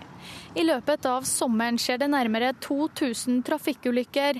I juni mista 16 mennesker livet. Det er nesten dobbelt så mange som i juni i fjor. Ja, vi syns det er en urovekkende økning. Vi har 16 eh, flere drepte i trafikken i år sammenlignet med i fjor, og det er eh, triste tall. Det sier Rita Helen Aarvold fra Vegdirektoratet. I fjor var antall drepte i trafikken rekordlavt, så trenden er fortsatt positiv. Men sommeren i år har fått en dyster start. Sommermånedene er eh, typiske ulykkesmåneder, og vi ser en økning i eh, antall ulykker. Eh, og snittet på de siste fem årene så ser vi at det er 49 mennesker som ofte omkommer i, i sommermånedene. Høy fart og økt trafikk er noe av grunnen til at sommerulykkene får så alvorlige konsekvenser, sier Bård Morten Johansen i Trygg Trafikk. Det er ofte flere i én bil, f.eks. Eh, det blir mer motorsykler, mer fremmedtrafikk, turister som kjører i områder de ikke er vant til. Eh, både om de kommer fra utlandet eller de får flytte seg innenfor eh, eget land. Tallene viser at det fortsatt er flest menn som mister livet i trafikken. Det er flere menn på veien, men i tillegg så har de også en høyere risikoatferd i veitrafikken enn det kvinner har. Årvoll oppfordrer nå bilister til å være oppmerksom. Kjøre etter forholdene, holde fartsgrensen, bruke bilbelte. Er du trøtte, stoppe og sov. Pakk bilen riktig, og um, kjør forsiktig. Reporter her Tanita Kveino. Presidenten i Tyrkia, Erdogan, sier at militante grupper ikke skal få stoppe landet i å nå sine mål. Tyrkia har hittil vært naive, men angrepet på flyplassen i Istanbul kommer til å endre Tyrkia sin Syria-politikk. Det mener Einar Wigen, forsker ved Institutt for kulturstudier og orientalske språk ved Universitetet i Oslo. Jeg tolker det som at de kommer til å gå veldig mye hardere etter IS nå har de jo allerede begynt å angripe IS for et år siden. Eh, jeg har vel egentlig ment at, det, at de ikke har gjort nok.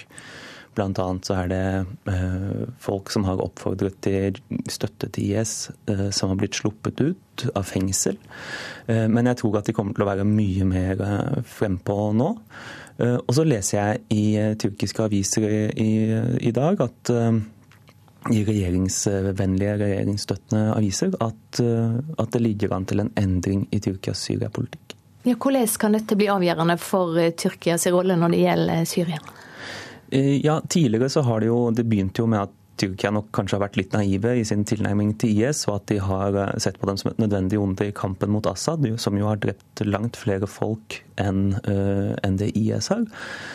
Men nå tror jeg nok, særlig da med denne tilnærmingen til, til, med Russland, eh, at eh, Tyrkia kommer til å se på andre muligheter altså der på en måte IS kommer opp som en viktigere eh, fare enn det Assad er. Eh, Erdogan tar nå til orde for at Tyrkia må samle seg. Samtidig er det mange som mener at nettopp eh, han virker splittende? Ja, han er omtrent det mest splittende landet har. Eh, og han har forsøkt å bygge koalisjoner på forskjellige måter, særlig nå å spille opp denne konflikten med PKK og, og, få flere nasjonalister på sin side. Så tiden, Han er hele tiden avhengig av en spent, et spent forhold, situasjon i Tyrkia for at han skal kunne holde makten sånn som den er i dag. Hvordan har reaksjonene ellers vært blant tyrkiske politikere på dette terrorangrepet? Ja, Opposisjonspolitikerne foreslo i parlamentet i går å, å, åpne en parlamentarisk undersøkelse av både angrepet og uh, sikkerhetssvikten. Som, hva kan vi gjøre for å få dette bedre? Men det stemte regjeringspartiet ned. Og Det har det også vært da tidligere, at de har eh, foreslått at man skal ha en parlamentarisk undersøkelse. Og det, det nekter regjeringen å gjøre. Så det er jo ganske, viktig, det er ganske tydelig at eh, den tyrkiske regjeringen setter sin egen makt foran eh, landets sikkerhet. Til slutt må vi snakke litt om eh, turistene. Vi hørte folk her si at de ikke vil tilbake til Tyrkia. Kan det samme skje som i Egypt, der mange av turistene er blitt borte?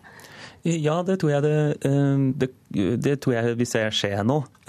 Men den typen angrep man nå har hatt i Tyrkia, er annerledes enn det man har sett i Tunisia og Egypt. Ehm, med denne endringen i IS-strategi så kan det godt tenkes at de vil gå etter turister på en annen måte. Vi så i, i januar, hvis det var et IS-angrep, de har jo ikke påtatt seg ansvaret ennå.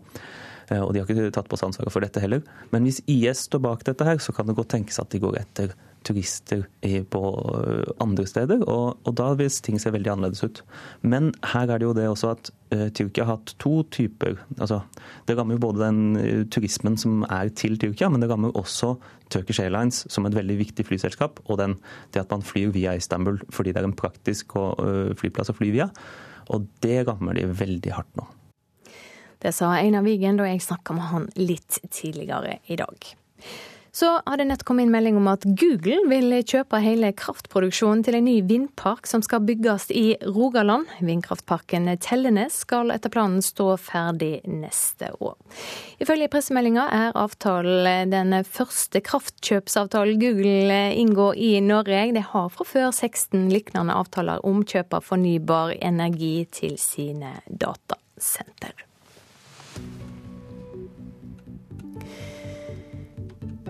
Vi skal se på dagens avisframsider nå. Det har eh, snudd på Vestlandet, er gladmeldinga i Dagens Næringsliv. Nå varsler store aktører slutt på nedbemanninga. Det blir inngått nye storkontrakter, og det er full fart i hyttesalet. Utlendingsdirektoratet har betalt 60 millioner kroner for ubrukte plasser, ifølge Stavanger Aftenblad. UDI bruker bare 172 av 1000 plasser på Forus transittmottak, men betaler full pris til investoren som driver mottaket.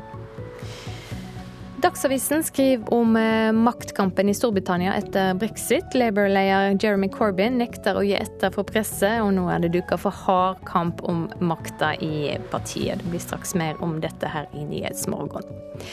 Lavmål for Kristelig Folkeparti er overskrifta i Vårt Land. Partiet går på en smell med 4,4% oppslutnad. Målinga er gjort samme veke som partileder Knut Arild Hareide deltok i Pride-paraden. Kommunene trenger ikke å vedta sammenslåing innen tidsfristen 1.7 for å få økonomiske gulrøtter. Opposisjonen mener at spillereglene blir endret i tolvte time, skriver Nasjonen. Premisser har vært de samme hele tida, er svaret fra regjeringa. Flere blir bostadhaier, viser tall fra skatteetaten. 20% av bostadene i Oslo er eid av noen som ikke bor i dem, skriver Klassekampen. Ifølge eiendomsmeklerne er det vanlige folk som kjøper husvære nummer to og tre. Sirkus Krekar har vart i 13 år. Nå blir det nye forestillinger, skriver VG. Aviser bruker framsida til å oppsummere alt av pågripinger og dommer som gjelder den omstridte kurderen fra Nord-Irak.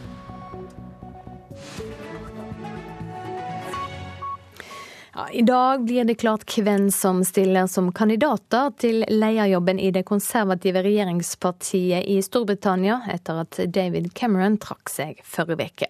Samtidig holder konflikten fram internt i det britiske Arbeiderpartiet, Labour, med uforminska styrke.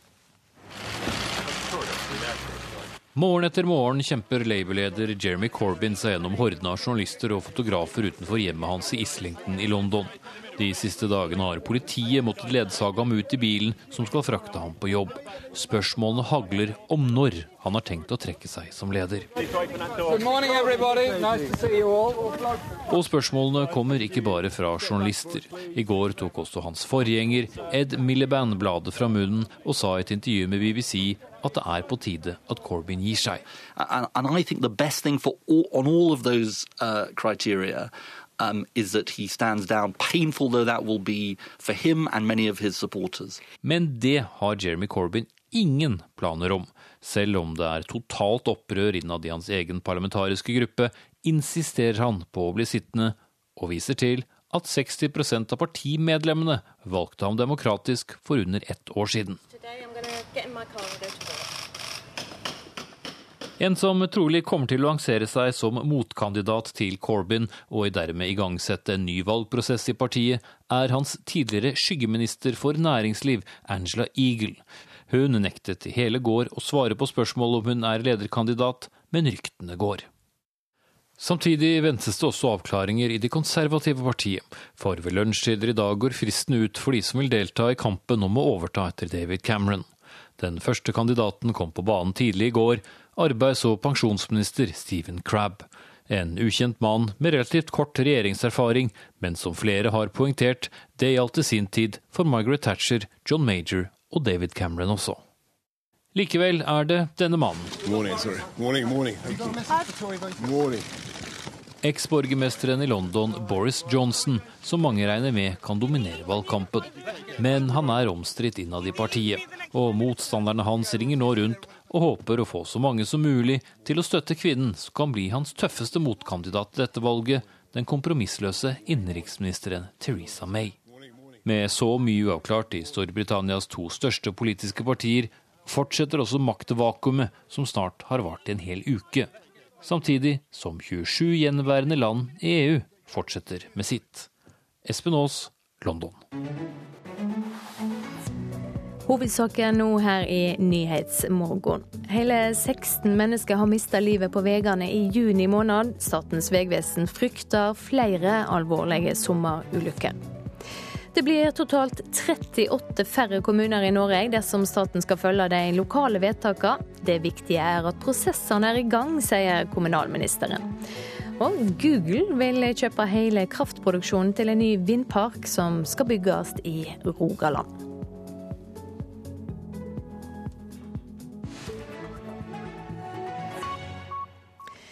Bokavtalen bør eh, avvikles dersom de store forlagene har samarbeid ulovlig. Det sier Fremskrittspartiets eh, Ib Thommessen, og får eh, støtte fra Forbrukerrådet. Syns du bøker er dyrt? De fleste sånn romaner og andre noveller og sånt er som regel ganske dyre. Litt dyrt, kanskje. Eller pocket er ikke så verst, da. Jeg syns det ofte er litt dyrt. Ja, det er flere i bokhandelen i Oslo som synes det er dyrt å plukke feriebøkene fra norske butikkhyller, og det er de ikke alene om. Nå vil kulturpolitisk talsmann for Fremskrittspartiet, Ib Thomsen, avskaffe bokavtalen etter nyhetene som kom tirsdag. Nei, hvis det stemmer, så er jo det beklagelig og nesten en katastrofe for eh, bokbransjen eh, når man har sånne ting hengende på seg. og Spesielt når man ønsker å, å fremstå som en eh, seriøs bransje. Så da syns jeg det er beklagelig. Det han refererer til er at Konkurransetilsynet mener landets største forlag har bedrevet ulovlig samarbeid, noe de selv avviser. Derfor mener han at det nå er på tide å diskutere bokavtalen igjen. En avtale mellom Forleggerforeningen og Bokhandlerforeningen, som kort forklart innebærer at forlagene kan sette en fastpris på bøkene de gir ut som varer fra utgivelsesåret og frem til 30. april året etter. Og det er denne avtalen Thomsen vil bli kvitt, fordi han mener det bare er de store forlagene som vinner på den slik den er nå. Dette viser seg da at eh, man ikke klarer å håndtere det, og at det er et eh, så pris, kraftig prissamarbeid som man ser her nå, så syns jeg ikke det skal noe avtale. Det er vel bare å forlenge problemet. Gunstein Instefjord er fagdirektør for mat og handel i Forbrukerrådet, og han er tydelig på hva virkningen av dagens bokavtale er, som ifølge ham ikke er gunstig for forbrukerne. Ja, den, den, fører jo til at eh, prisen på nyutgivelse blir høyere enn det den kanskje hadde vært da uten en bokavtale. Og så, så, er det klart, altså vi må ha gode vilkår altså for altså norske aktører, norske forfattere. Det er det ingen tvil om. Så dersom vi ikke har bokavtalen, så må vi finne andre virkemidler. Han mener dessuten det er helt klart forskjeller på hvor mye du må betale for en ny bok i Norge og utenfor landegrensene. Nei, altså det er jo grunn til å merke seg altså Konkurransetilsynet tidligere da gjorde en sammenligning av pris på bøker i Sverige og Norge for både innbundne bøker og pocketbøker. Det var jo da, det er jo noen år siden, dette, men, men det viser jo at prisen på innbundne bøker i gjennomsnitt var da nærmest dobbelt så høyt i Norge sammenlignet med Sverige. Slik at det er ingen, ingen, ingen tvil om at bokavtalen har betydning for har en konsekvens da på, på, hva vi må betale som forbruker for, for papirbøker og nyutgivelser. Men inne hos den norske forleggerforeningen sitter administrerende direktør Kirsten Einarsson, som er uenig med både Thomsen og Instefjord. Det betyr at bokhandelen greier å konkurrere med andre salgskanaler, og, og, det gir da den store bredden i bokdistribusjonen som vi har i Norge. Han forteller at det har blitt drøftet fram en ny bokavtale til fornyelsen mot slutten av året, og mener det er en avtale som er verdt å beholde. Altså, Bokavtalen er et av de viktigste litterære virkemidlene i eh, Norge, sammen med momsfritak og eh, innkjøpsordningen. Og Til sammen så har det gjort at uh, det kan gis ut veldig mange eh, titler i et lite språkområde som det norske, og at disse titlene er tilgjengelige på så mange steder, både i landbasert bokhandel over hele landet, og eh, gjennom de mange nettbokhandlerne vi har. For Einarsson er sikker på hvem som er vinneren av en fornyet bokavtale i fremtiden. Den som vinner til syvende Det er to vinnere. Det er leseren, og det er forfatteren. Reportere Philip Johannesborg og Nikolai Volsdal. Terrorangrep i Europa har ført til mange avlyste konserter det siste året. Flere norske artister skal ha konserter i Tyrkia denne sommeren. Jazzartist Nils Petter Molvær mener kulturarrangement er enda viktigere enn ellers når folk opplever tøffe tider. Så det blir en slags uh, fuck you. Dere skal ikke vinne. Jazzartist Nils Petter Molvær sin beskjed er klar. Om to uker holder han konsert i Istanbul, der over 40 personer ble drept i et terroråtak på flyplassen Atatürk tirsdag kveld. Jeg kommer ikke til å avlyse noen konserter pga. terrorfrykt. For det første så, så vinner terroristene hvis du gjør det. Og for det andre så, så tror jeg det også på en måte at, det, ting, at det, ting er normalisert, uh, er viktig. Det er jo aldri en hyggelig ting å ha med seg i bagasjen, liksom. Når du legger ut på tur. Man blir vel dessverre liksom blasert av alle disse terroraksjonene nå. Det er jo Dessverre så er det, er det litt sånn. Tore Gjedrem er halvparten av elektronikaduoen Ost og Kjeks. Og på turnélista deres for sommeren står Istanbul og Dynamic Festival i begynnelsen av august. I alle fall foreløpig. Jeg har ennå ikke hørt noe, men eh, ja, du kan nok spøke for det. Det er sikkert uh, ikke gode tider å samle store folkemengder på der.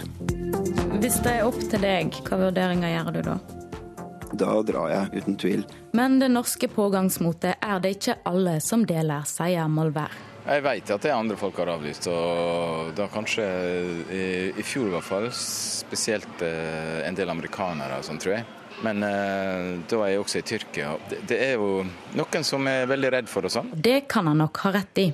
I april, en måned etter åtaket i Brussel, avlyste Mariah Carey sin konsert i byen. Og etter åtakene i Paris, der 89 mennesker ble drept under en konsert med rockegruppa Eagles of Death Metal, avlyste Prince, Foo Fighters, U2, Coldplay og Motorhead deler av eller hele turneer i Europa. I tillegg har bl.a. metal-gruppa Five Fingers Death Punch, hiphop-artisten Nelly og Dallas Symfoniorkester avlyst flere konserter i Europa av generelle sikkerhetsårsaker de siste månedene. Vi har ikke hørt om noen avlysninger eh, på bakgrunn av eh, de siste hendelsene, nei. Flere norske artister skal holde konserter i Tyrkia i tida framover. Og de deler holdninga til Molvær og Gjedrem, forteller Erlend Buflaten i Music Norway, organisasjonen som jobber for å fremje norsk musikk i utlandet. Vi anbefaler eh, alle som er i kontakt med oss å følge UDs generelle retningslinjer når de er ute og reiser, for de har best oversikt. Ja, så jeg, jeg gjør det jeg gjør uansett. Molvær har turnert i flere urolige områder og tror det er viktig for folk med gode opplevelser, som Einars-konsert i vanskelige tider. Altså, Jeg opplevde f.eks. I, i eh, Jeg var i Ukraina når det var også på det verste der. Og det var jo en sånn eh, begeistrahet og en sånn type eh, glede. Og folk kommer og vil snakke med deg og, og uttrykke takknemlighet for at du kommer og spiller og sånn. Så folk har jo litt behov for å sette seg ned og, og dra et annet sted for en halvannen times tid, sånn som en konsert er.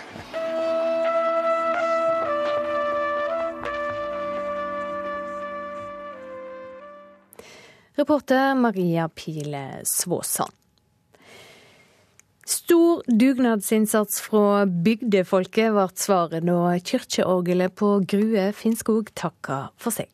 250 innbyggere har samla inn nesten 4 millioner kroner til å hyre en av de fremste orgelbyggerne her i landet. Når han i tillegg har finske røtter, så fikk kirka på Svulrøya et instrument ingen har hørt maken til i Norge. At en bygd med 250 innbyggere klarer å få noe sånt på beina, er helt fantastisk. Orgelbygger Jan Ryde ble imponert over dugnadsånden på Finnskogen. Hans orgel nummer 107 fikk derfor urklangen av hans egne finske røtter.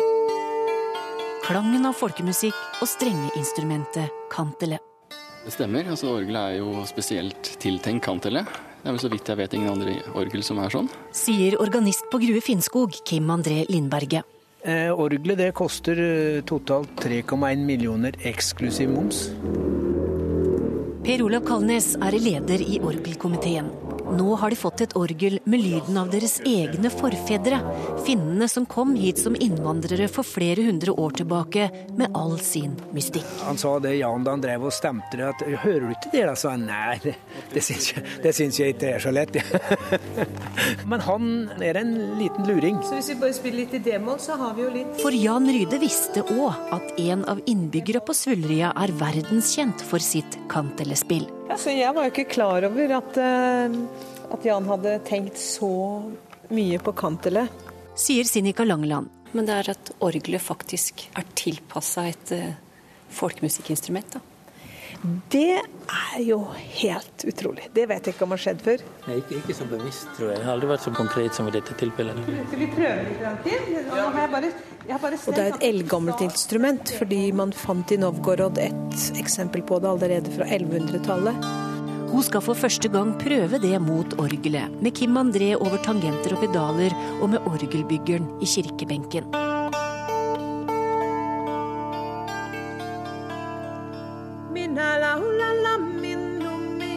Jan Rydde har bygd både større og mer anerkjente orgel, som i Stavanger konserthus og Oslo domkirke. Men her i skogen mener han sjøl at han har funnet noe unikt. Man skal fornemme historiens vingeslag, tror jeg her. Man går på innsiden av instrumentet.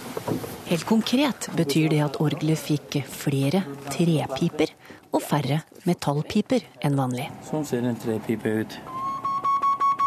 Det er mykere klang, ja. Organist Kim André demonstrerer. Noen gamle trefløyter fra 1700-tallet, altså det er kopier. Så en moderne fløyte, den låter mer som en panfløyte.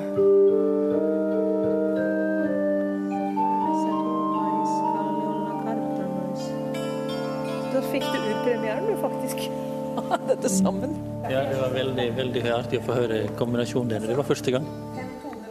Så det, det, andre, det andre har vært i fantasiverden.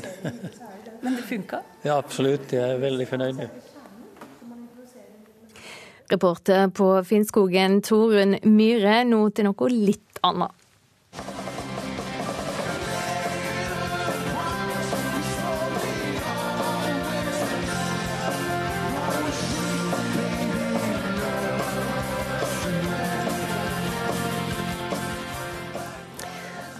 Bruce Springsteen og The E Street Band spilte spilte for et utsolgt Ullevål stadion i Oslo. I går kveld om lag 30 000 så 66-åringen fra New Jersey spille kring 40 låter i en tre og en halv times lang maratonkonsert.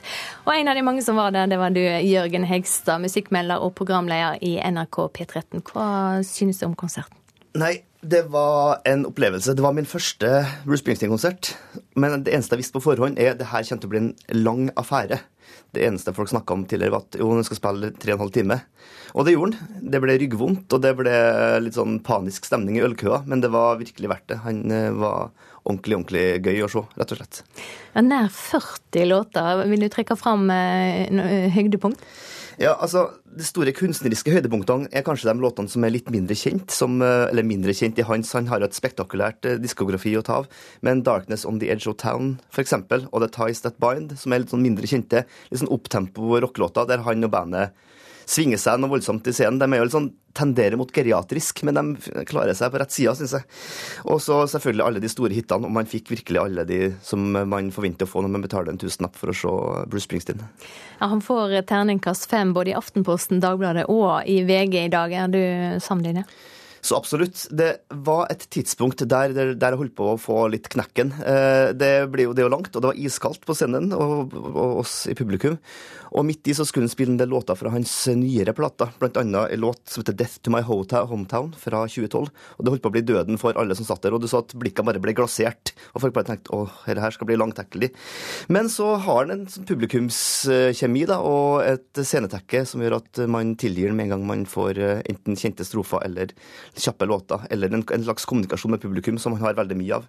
Han tok jo annet opp på et tidspunkt en fire år gammel jente på scenen, ga mikrofon, og hun sang renere enn både meg og alle andre som satt rundt meg. Og Det, var, det er sånne type øyeblikk som gjør at han er en av verdens største artister. Det er en blanding mellom en sånn ekstremt storhet og en veldig sånn tydelig nærhet til sine fans.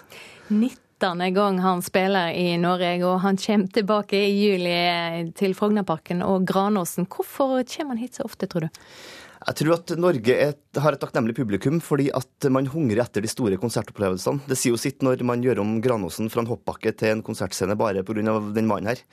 Og så tror jeg at han liker den måten Norge be, behandler han og hans band på. Det er gjensidig kjærlighet som jeg tror kommer til å vare lenge ute i hans 67. og 68. år også. Hvem er det som går på konsert? Min Facebook-feed var full av selfies fra folk i 40-, 50- og 60-åra. Ja, jeg tror det her er en sånn plass hvis du skal komme til en storby og ha med deg din familie. Det er litt sånn storfamiliekonsert. Jeg så tre generasjoner som satt sammen og drakk øl og skråla i går, og det syns jeg var veldig fint å se. Takk for at du kom til oss, Jørgen Hegstad, musikkmelder i NRK P13.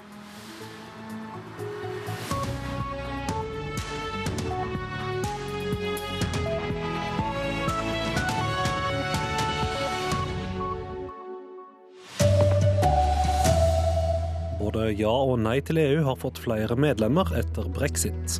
Google kjøper hele kraftproduksjonen til norsk vindkraftverk. Her er NRK Dagsnytt klokka 8.30. Både Europabevegelsen og Nei til EU her i Norge har fått flere medlemmer etter at Storbritannia meldte seg ut av EU, det skriver Nasjonen. Siden fredag har Europabevegelsen fått godt over 100 nye medlemmer, forteller generalsekretær Kirsti Meti.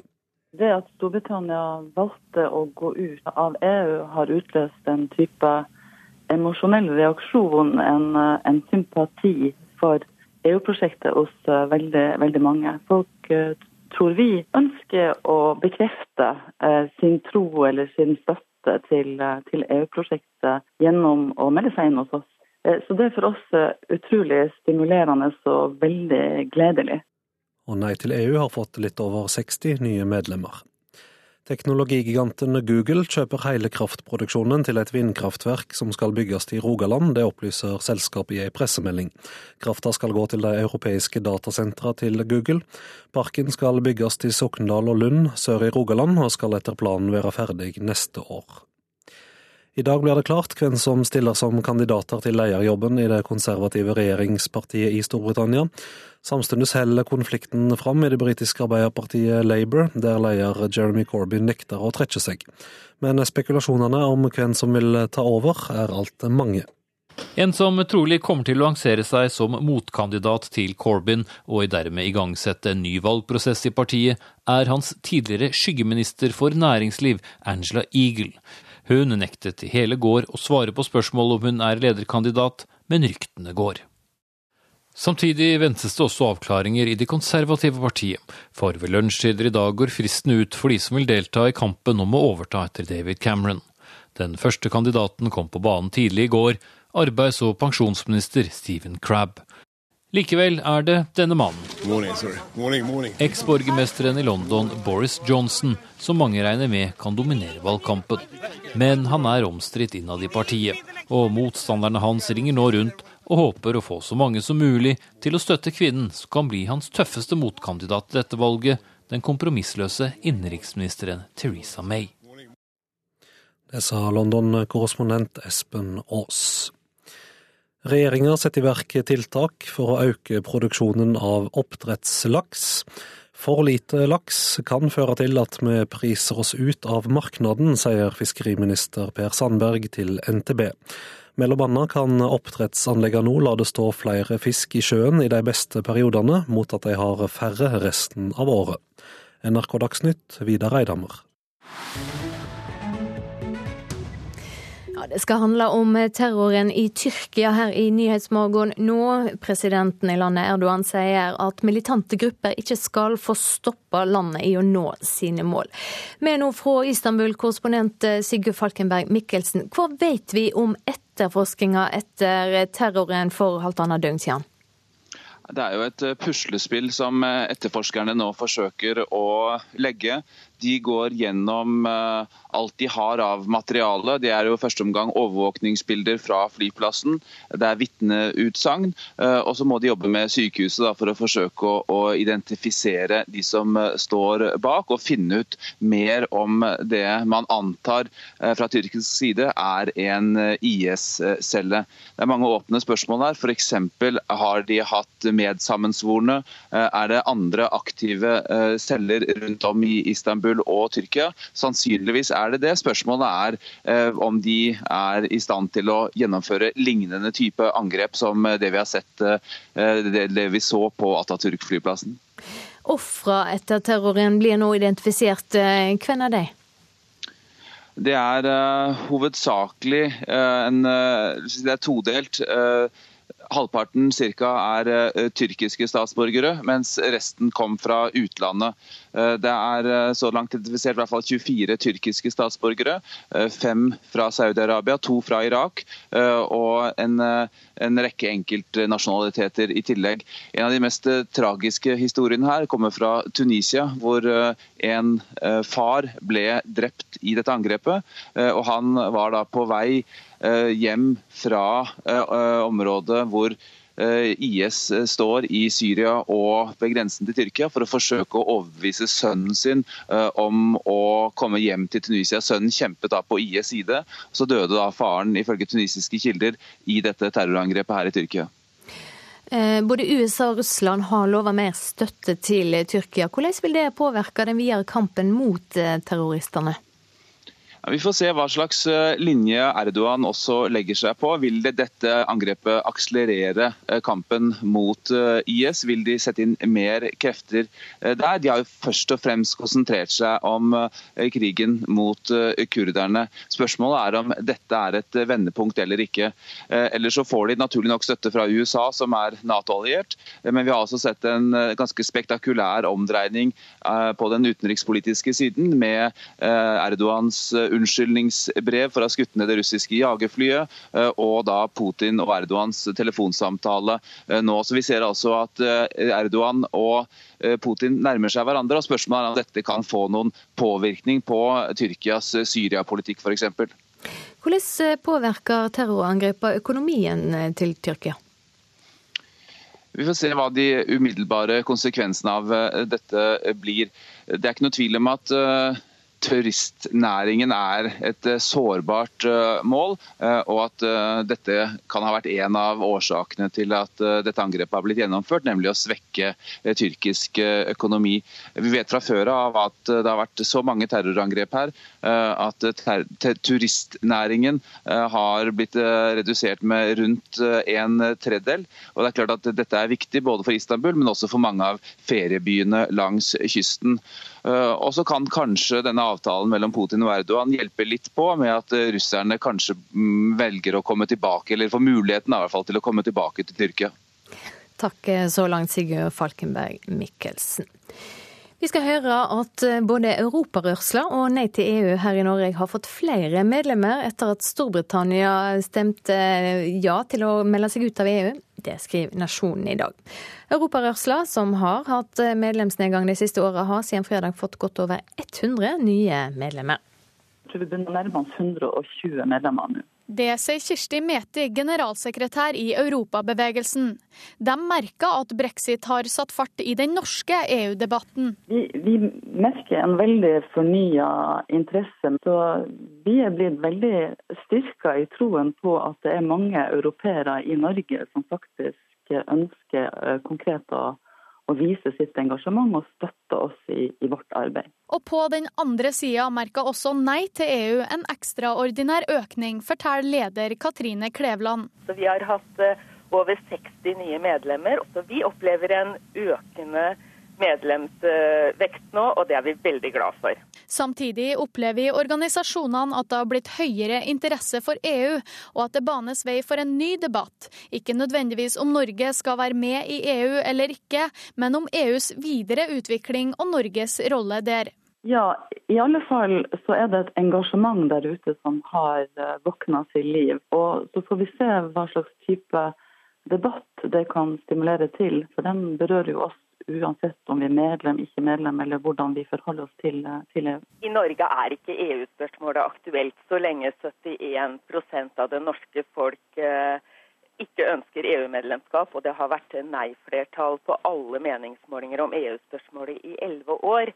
Men andre ting rundt det, hva slags type tilknytning vi fortsatt skal ha til EU, EØS-spørsmålet kan komme opp igjen eh, nå. Ja, Det sa leder i Nei til EU, Katrine Kleveland, til reporter Tanita Kveino. 428 norske kommuner blir til 390 i framtida, dersom en skal følge de sammenslåingsvedtakene som er gjort lokalt. Det viser en gjennomgang NRK har gjort av alle norske kommunestyrevedtak. Innen i morgen må kommuner ha meldt inn om de ønsker å slå seg sammen eller stå alene, og det er store forskjeller på sammenslåingsviljen rundt om i landet per dags dato så ser det ikke ut som at det blir sammenslåinger i, i Nordland. Det sier fylkesmann i Nordland Hill Marta Solberg. NRKs gjennomgang viser det samme. Det blir ingen frivillige sammenslåinger der i fylket, sjøl om noen av de større, f.eks. Bodø og Narvik, ønsker å lage nye kommuner. Her er kommuner som har vært positive og gjort vedtak om at de ville slå seg sammen, eh, men de har liksom ikke funnet den riktige partneren, for å si det sånn. Og det bildet finner vi også andre steder. Nesten ni av ti norske kommuner kommer til å holde fram som før. For det hjelper lite at Bergen, Fredrikstad, Sarpsborg og Tromsø er åpne for giftermål, hvis ingen vil være sammen med dem. Du kan ikke utrede deg frem til hvem du skal gifte deg med. Du må ta et valg, og så må du sørge for at det er vellykket. Det sier fylkesmann Erling La, som skryter av positive prosesser i Vestfold. Det har gått en kule varmt her òg, men, men det har vært fremdrift hele tiden. Der blir det faktisk mer enn halvering av kommunetallet. Vi har 14, det blir 6. Nå skal nettopp fylkesmennene gi råd om framtidig kommuneinndeling i sine fylker. Erling Las råd er å følge kommunene sine avtaler.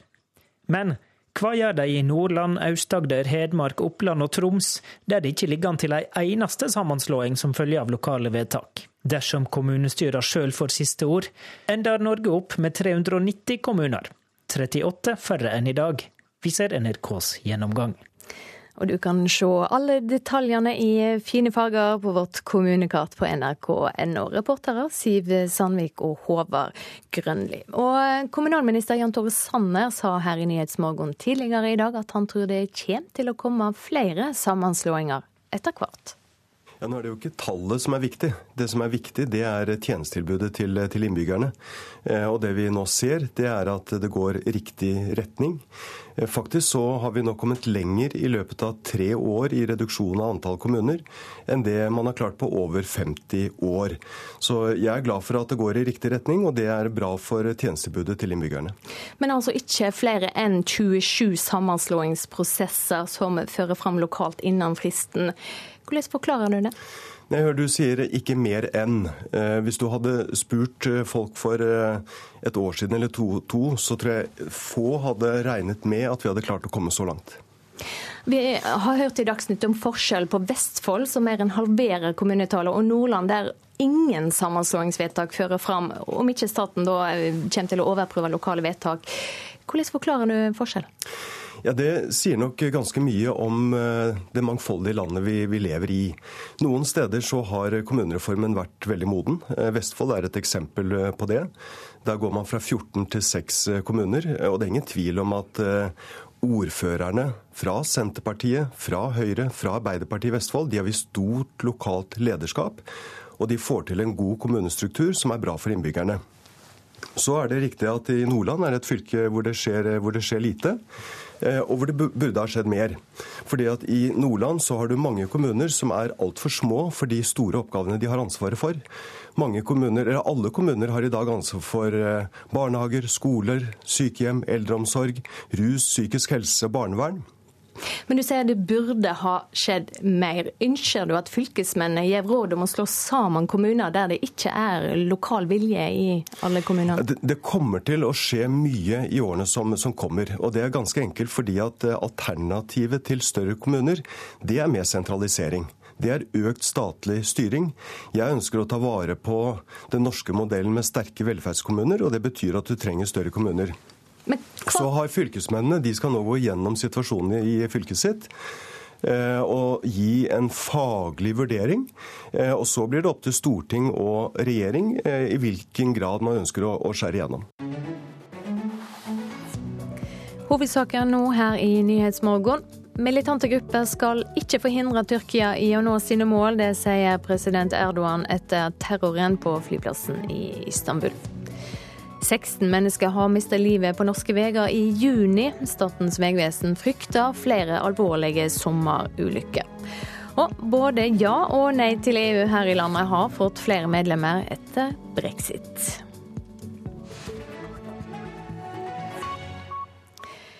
I år feirer feriekolonien Hudøy 100 år. Denne jubileumssommeren skal omkring 2500 barn feriere på øya, som blir eh, driven av Oslo kommune og Kirkens Bymisjon. Og de første feriegjestene denne sommeren har alt gått i land på feriekolonien Hudøy vest for Tjøme. Tolv år gamle Nora Krydsby er ei av dem. Det var veldig mange som sa at det var gøy, og så det hadde jeg ikke noe annet å gjøre i sommerferien. Og så ville jeg jo prøve noe nytt, så da tenkte jeg at dette var kult. Og så siden det er en sommerleir, og så er det ute, og det er ganske Og så er det liksom to uker, det, og så kan jeg møte andre. Så det høres veldig gøy Så ja. Hva syns du så langt av det du har sett? da? Eh, litt dårlig vær, men det går fint. Først er Solveig, og så er det Andrine, Marte, Thea, Eline, Ada, Jentene har kommet fram til Roa, et av de elleve leirstedene på Hudøy. Kofferter, bager og sekker ligger stablet i hauger. Marte Altmann Hjelmeland forteller hva de skal gjøre videre. Vi skal først pakke ut, og så skal vi inn og spise. Vi har forskjellige grupper som vi spiser med. Har du vært her før? Nei, dette er min første gang. Hva var grunnen til at du søkte om å komme hit, da? Eh, det var en venn som tipsa meg om det. det. Hun sa det var veldig bra. Er du spent? Veldig. I løpet av sommeren jobber det 110 personer for å gi barna en fin sommer. Båtliv, bading, krabbefiske, ballspill, klatre i hule trær og treffe nye venner. Mulighetene er mange, men mobiltelefon er ikke en av dem. For øya er både mobilfri og foreldrefri sone. En av dem som trives med å jobbe på Hudøy, er lederen på Roa, Elise Gjestvang. Eller eh, Narvestad, som hun kaller seg. Det er en litt morsom historie. fordi eh, Noen år tilbake så var jeg assistent, og da var det noen som mente at jeg var veldig lik eh, Roy Narvestad fra borettslaget. Er du litt Narvestad, eller? Jeg kan vel kanskje være litt Narvestad i noen, noen ting. Eh, litt hvordan jeg prater og, og sånn, men eh, det er bare, bare artig, syns jeg. nå har første, første pulja kommet for årets sesong. Hva er det som foregår nå utover? I dag er det litt mye som skjer. Vi skal ha utpak eh, nå, og så skal vi ha litt lunsj. Og så skal vi ut på tur. Skal se om noen av jentene har lyst til å bade i dag. Kanskje de har lyst til å teste badetemperaturen. Og så er det litt eh, diverse leiker og aktiviteter på koloni, og bli kjent med hverandre. Og så framover så er det jo egentlig turer og masse, masse gøy som skjer. Det er ikke bare Hudøy som jubilerer i år. Kokken på Roa, Hilde Ringdal, er her for tiende år på rad. Og det var en spesiell grunn til at hun søkte på jobb på Hudøy. Jeg hadde veldig lyst til å reise på Hudøy som barn. Eh, men det fikk jeg aldri lov til, for vi har hytte i Sandefjord. Så da måtte jeg leke med lillesøsteren min der. Så når jeg endelig ble voksen og kunne bestemme selv, så var det Hudøy som frista mest. Jeg vil tro at det er relativt utfordrende å, å lage og servere mat til så mange barn over så lang tid. Nei, det er ikke noen stor utfordring. Men det er, det er klart det er store mengder, så det kan være vanskelig å beregne. Men eh, det, menyen har vært den samme i hvert fall de ti årene jeg har vært der, så det blir ja. greit. Tolv år gamle Henriette Fjell er nærmest som veteran å regne her ute på Hudøy. Hun er her for tredje gang, og hun har bare godt å si om ferieøya. Det lager minner for livet, da. Det er jo koselig, og du møter andre mennesker og sånt. Så ja. Reporter på Hudøy, Jan Gulliksen.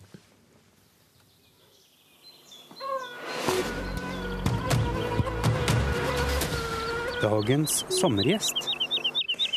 For eh, halvannen uke siden tok FN imot den norske ratifiseringa av Parisavtalen. En klimaavtale som ble feira som et gjennombrudd da han kom på plass for et halvt år siden. Og en av de norske journalistene som har fulgt dette arbeidet tettest, er du, Ole Mattismoen, klimajournalist i Aftenposten. Etter Paris, hvor eh, går vi nå? Ja, nå må jo dette gjennomføres, da. ikke sant? Nå har man brukt eh, mange år på å diskutere og krangle seg frem til en, en avtale. Og Paris, der, der lovet verdens land hva de ville gjøre. Hver enkelt land bestemte selv. Og nå skal dette gjennomføres. ikke sant? Bare det som er lovet til nå, er en stor jobb å gjennomføre. Uh, så kanskje nå det blir spennende? Ja, det er nå det blir spennende, for all del. Og dessuten så er de løftene som ligger i Parisavtalen, er ikke på langt nær nok til å oppnå målet som ligger i Parisavtalen. Nemlig at man skal begrense klimaendringene til to og kanskje til og med 1,5 grader. Eh, så dette er en starten på en prosess i realiteten. Men nå, liksom, nå, er, nå, begynner jobben. ikke sant? Og det ser man allerede ganske mange eksempler på rundt omkring i verden. Eh, de store konsernene de store gigaselskapene i verden har tatt sine verdivalg. De har bestemt seg for at klimatrusselen er reell og svært alvorlig. De skal gjøre noe med den. Vi hørte nettopp på nyhetene i dag tidlig ikke sant, hvordan Google nå går tungt inn i vindkraft i Norge. Typisk eksempel. Google la frem en ambisiøs plan i Paris sammen med andre store selskaper som Cola, Ikea og Kellogg's osv. Og, så og det er når de begynner å røre på seg, at du får et skifte. Og så er det når alle de titusener av småselskapene begynner å handle, at det kommer resultater. Når du skriver om klima og miljøvern i Aftenposten og i bloggen Oles klode, så er du opptatt av å være konkret. Hvorfor det? Jo, både konkret og positiv. Altså, Jeg prøver å få frem løsningene også, ikke bare disse massive problemene. Men jeg tror også at det er mye lettere for vanlige folk da, som ikke driver med dette hver dag, å forholde seg til det når det blir konkret inn i hverdagen. Og hvis vi liksom endelig skal slutte å snakke bare om sparedusj, men å gå litt videre, så, så, så hadde jeg en stor artikkel i våres, f.eks. midt i den verste, tidligste havsesongen, om hvordan de aller fleste av oss blir lurt trill rundt på havesenteret hvor vi kjøper det vi tror er jord. Men så er det torv fra norske myrer, og egentlig helt verdiløst. Ehm, det skapte et voldsomt engasjement. Masse lesing, som jeg er opptatt av.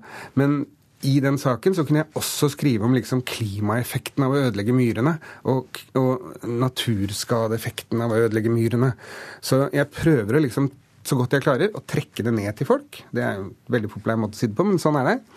Eh, og, så, og, så, og, så, få frem de positive tingene. At det faktisk finnes alternativer og andre måter å gjøre ting på. Hva tror du er årsaken til at mange syns klima- og miljøvern kanskje er litt kjedelig? Eh, for det første har det vært skrevet og sagt og vist ufattelig mye om det de siste årene, nå før Paris og etter Paris og egentlig årevis. Men kanskje den viktigste grunnen, tror jeg, jeg vet ikke om det er for at det er kjedelig, kanskje, men at det er så massivt og så stort at det er nesten umulig å få tak på for folk som ikke driver med det. Og dessuten er det veldig truende. Og jeg tror liksom at menneskelig hjerne er ikke laget sånn at vi klarer å forholde oss til vår egen Det er jo ikke snakk om vår egen undergang, men en så stort problem. Og i hvert fall ikke over lang tid. Og dessuten et problem som veldig mange har oppfattet at det er noen andre som må løse. Dette må politikerne løse, dette må kineserne løse. Men faktum er jo at hver enkelt av oss er nødt til å gjøre en jobb. For ikke engang kineserne klarer dette alene, om de så hadde villet. Eh, når du skriver nettartikler, så kan du lett se hvor mange som er inne og leser. Hva betyr antall klikk? Det betyr alt. Nei da. Det betyr mye. For det er klart at når jeg skriver noe, så ønsker jeg jo at flest mulig skal lese det. Eh, og når det trykkes i papiravisen Aftenposten, som fortsatt eh, når flere hundre tusen mennesker om dagen, så aner jeg ikke hvor mange som leser det. Jeg aner ikke hvor lenge de leser artikkelen. Det kan jeg nå se. Og da kan jeg på en måte lære hvilke vinklinger og hvilke innganger som folk henger med på, da. Ikke sant? Hvis jeg hadde åpnet artikkelen om myr, om skrive om at eh, ødeleggelse av myr skader orkideene, da ville jeg fått langt færre lesere enn inngangen om at, at, du er utsatt for et jordbedrag på havesenteret. ikke sant? Men egentlig dreier artikkelen seg om det samme. Så det, så det, går på å finne smarte løsninger som treffer folk, da, som folk gidder å lese. Mm. Vi har jo hørt mye om regnskogen. Hva med den norske naturen? Ja, altså Den norske naturen har det jo i og for seg bra. Vi har vernet mye osv. Men det jeg har skjønt i det siste, jeg jobber med en sak om det nå faktisk, er hvor ufattelig lite vi vet om den. At det fortsatt er sannsynligvis et sånn 15 000-16 000 arter som ikke vi har funnet ennå. De er små, da. Det er mye insekter og små moser og lav og sånn. Og amøber og andre ting. Men det, overrasket meg veldig. Og grunnen til at vi vet at det er, sannsynligvis er såpass mange, det er fordi at svenskene har vært mye flinkere enn oss veldig veldig mye lenger. De har en tradisjon tilbake til Linné. De skal vite navnet på alt som er der. ikke sant? Det har nordmenn stort sett ikke brydd seg om. Vi har forholdt oss til grantrær og ulv og fugler og, og vært fornøyd med det. Men for å kunne verne og ta vare på og bevare de artene vi har, så er vi nødt til å vite hvor de er. Og så er vi nødt til å vite hva det er. Så Derfor så pågår det nå et kartleggingsarbeid som i veldig stor grad utføres av amatører, faktisk, på fritida. Det er jo et journalistisk ideal å prøve å være objektiv. Er du det når du skriver om et område der du åpenbart har sterke meninger?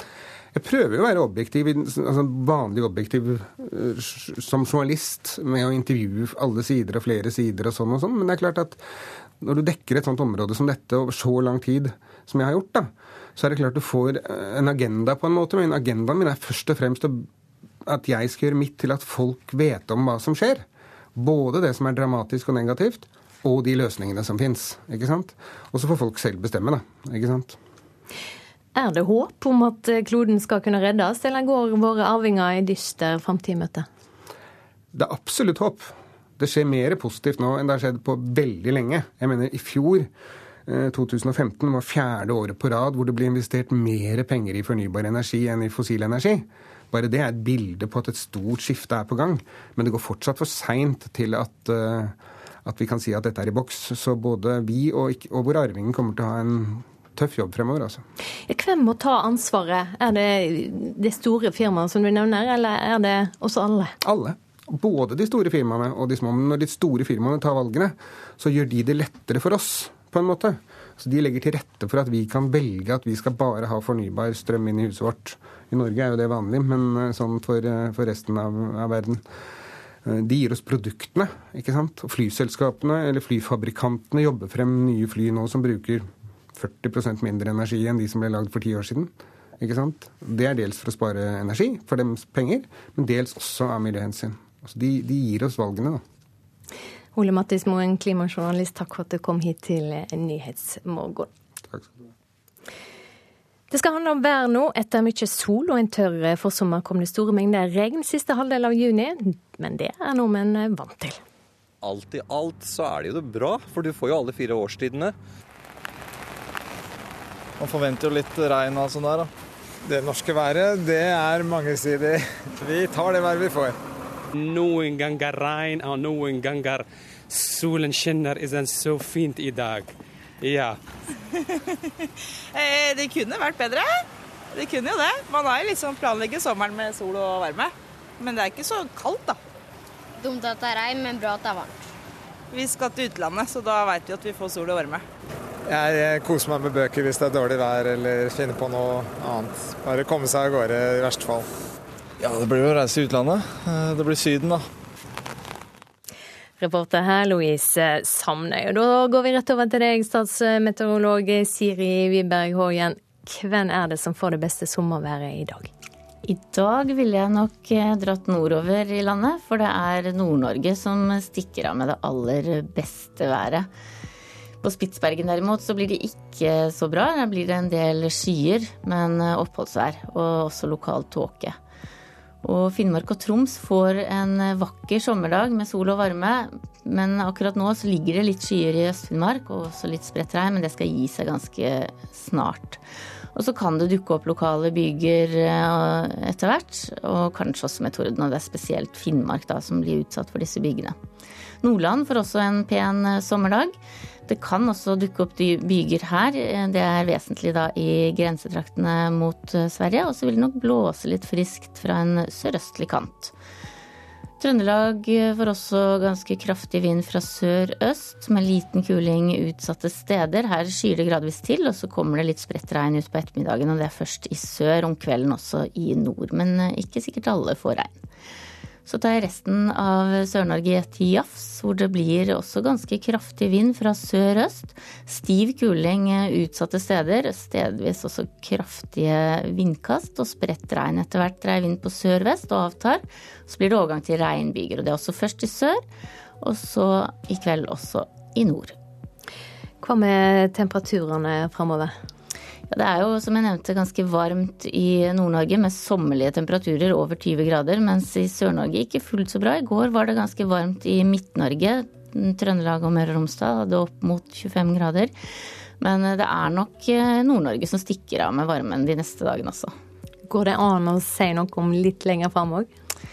Ja, du tenker på neste uke? Mm. Ja, det er nok eh, Kan nok hende at varmen i nord avtar eh, når vi kommer ut neste uke. Og så skjer det ikke så veldig mye i Sør-Norge. Takk skal du ha, Siri Wiberg Hoie. Ansvarlig for eh, Nyhetsmorgen i dag, Elin Pettersen. Produsent Marte Halsør. Teknisk ansvarlig Per Ivar Nordahl. Og her i studio, Silje Sande.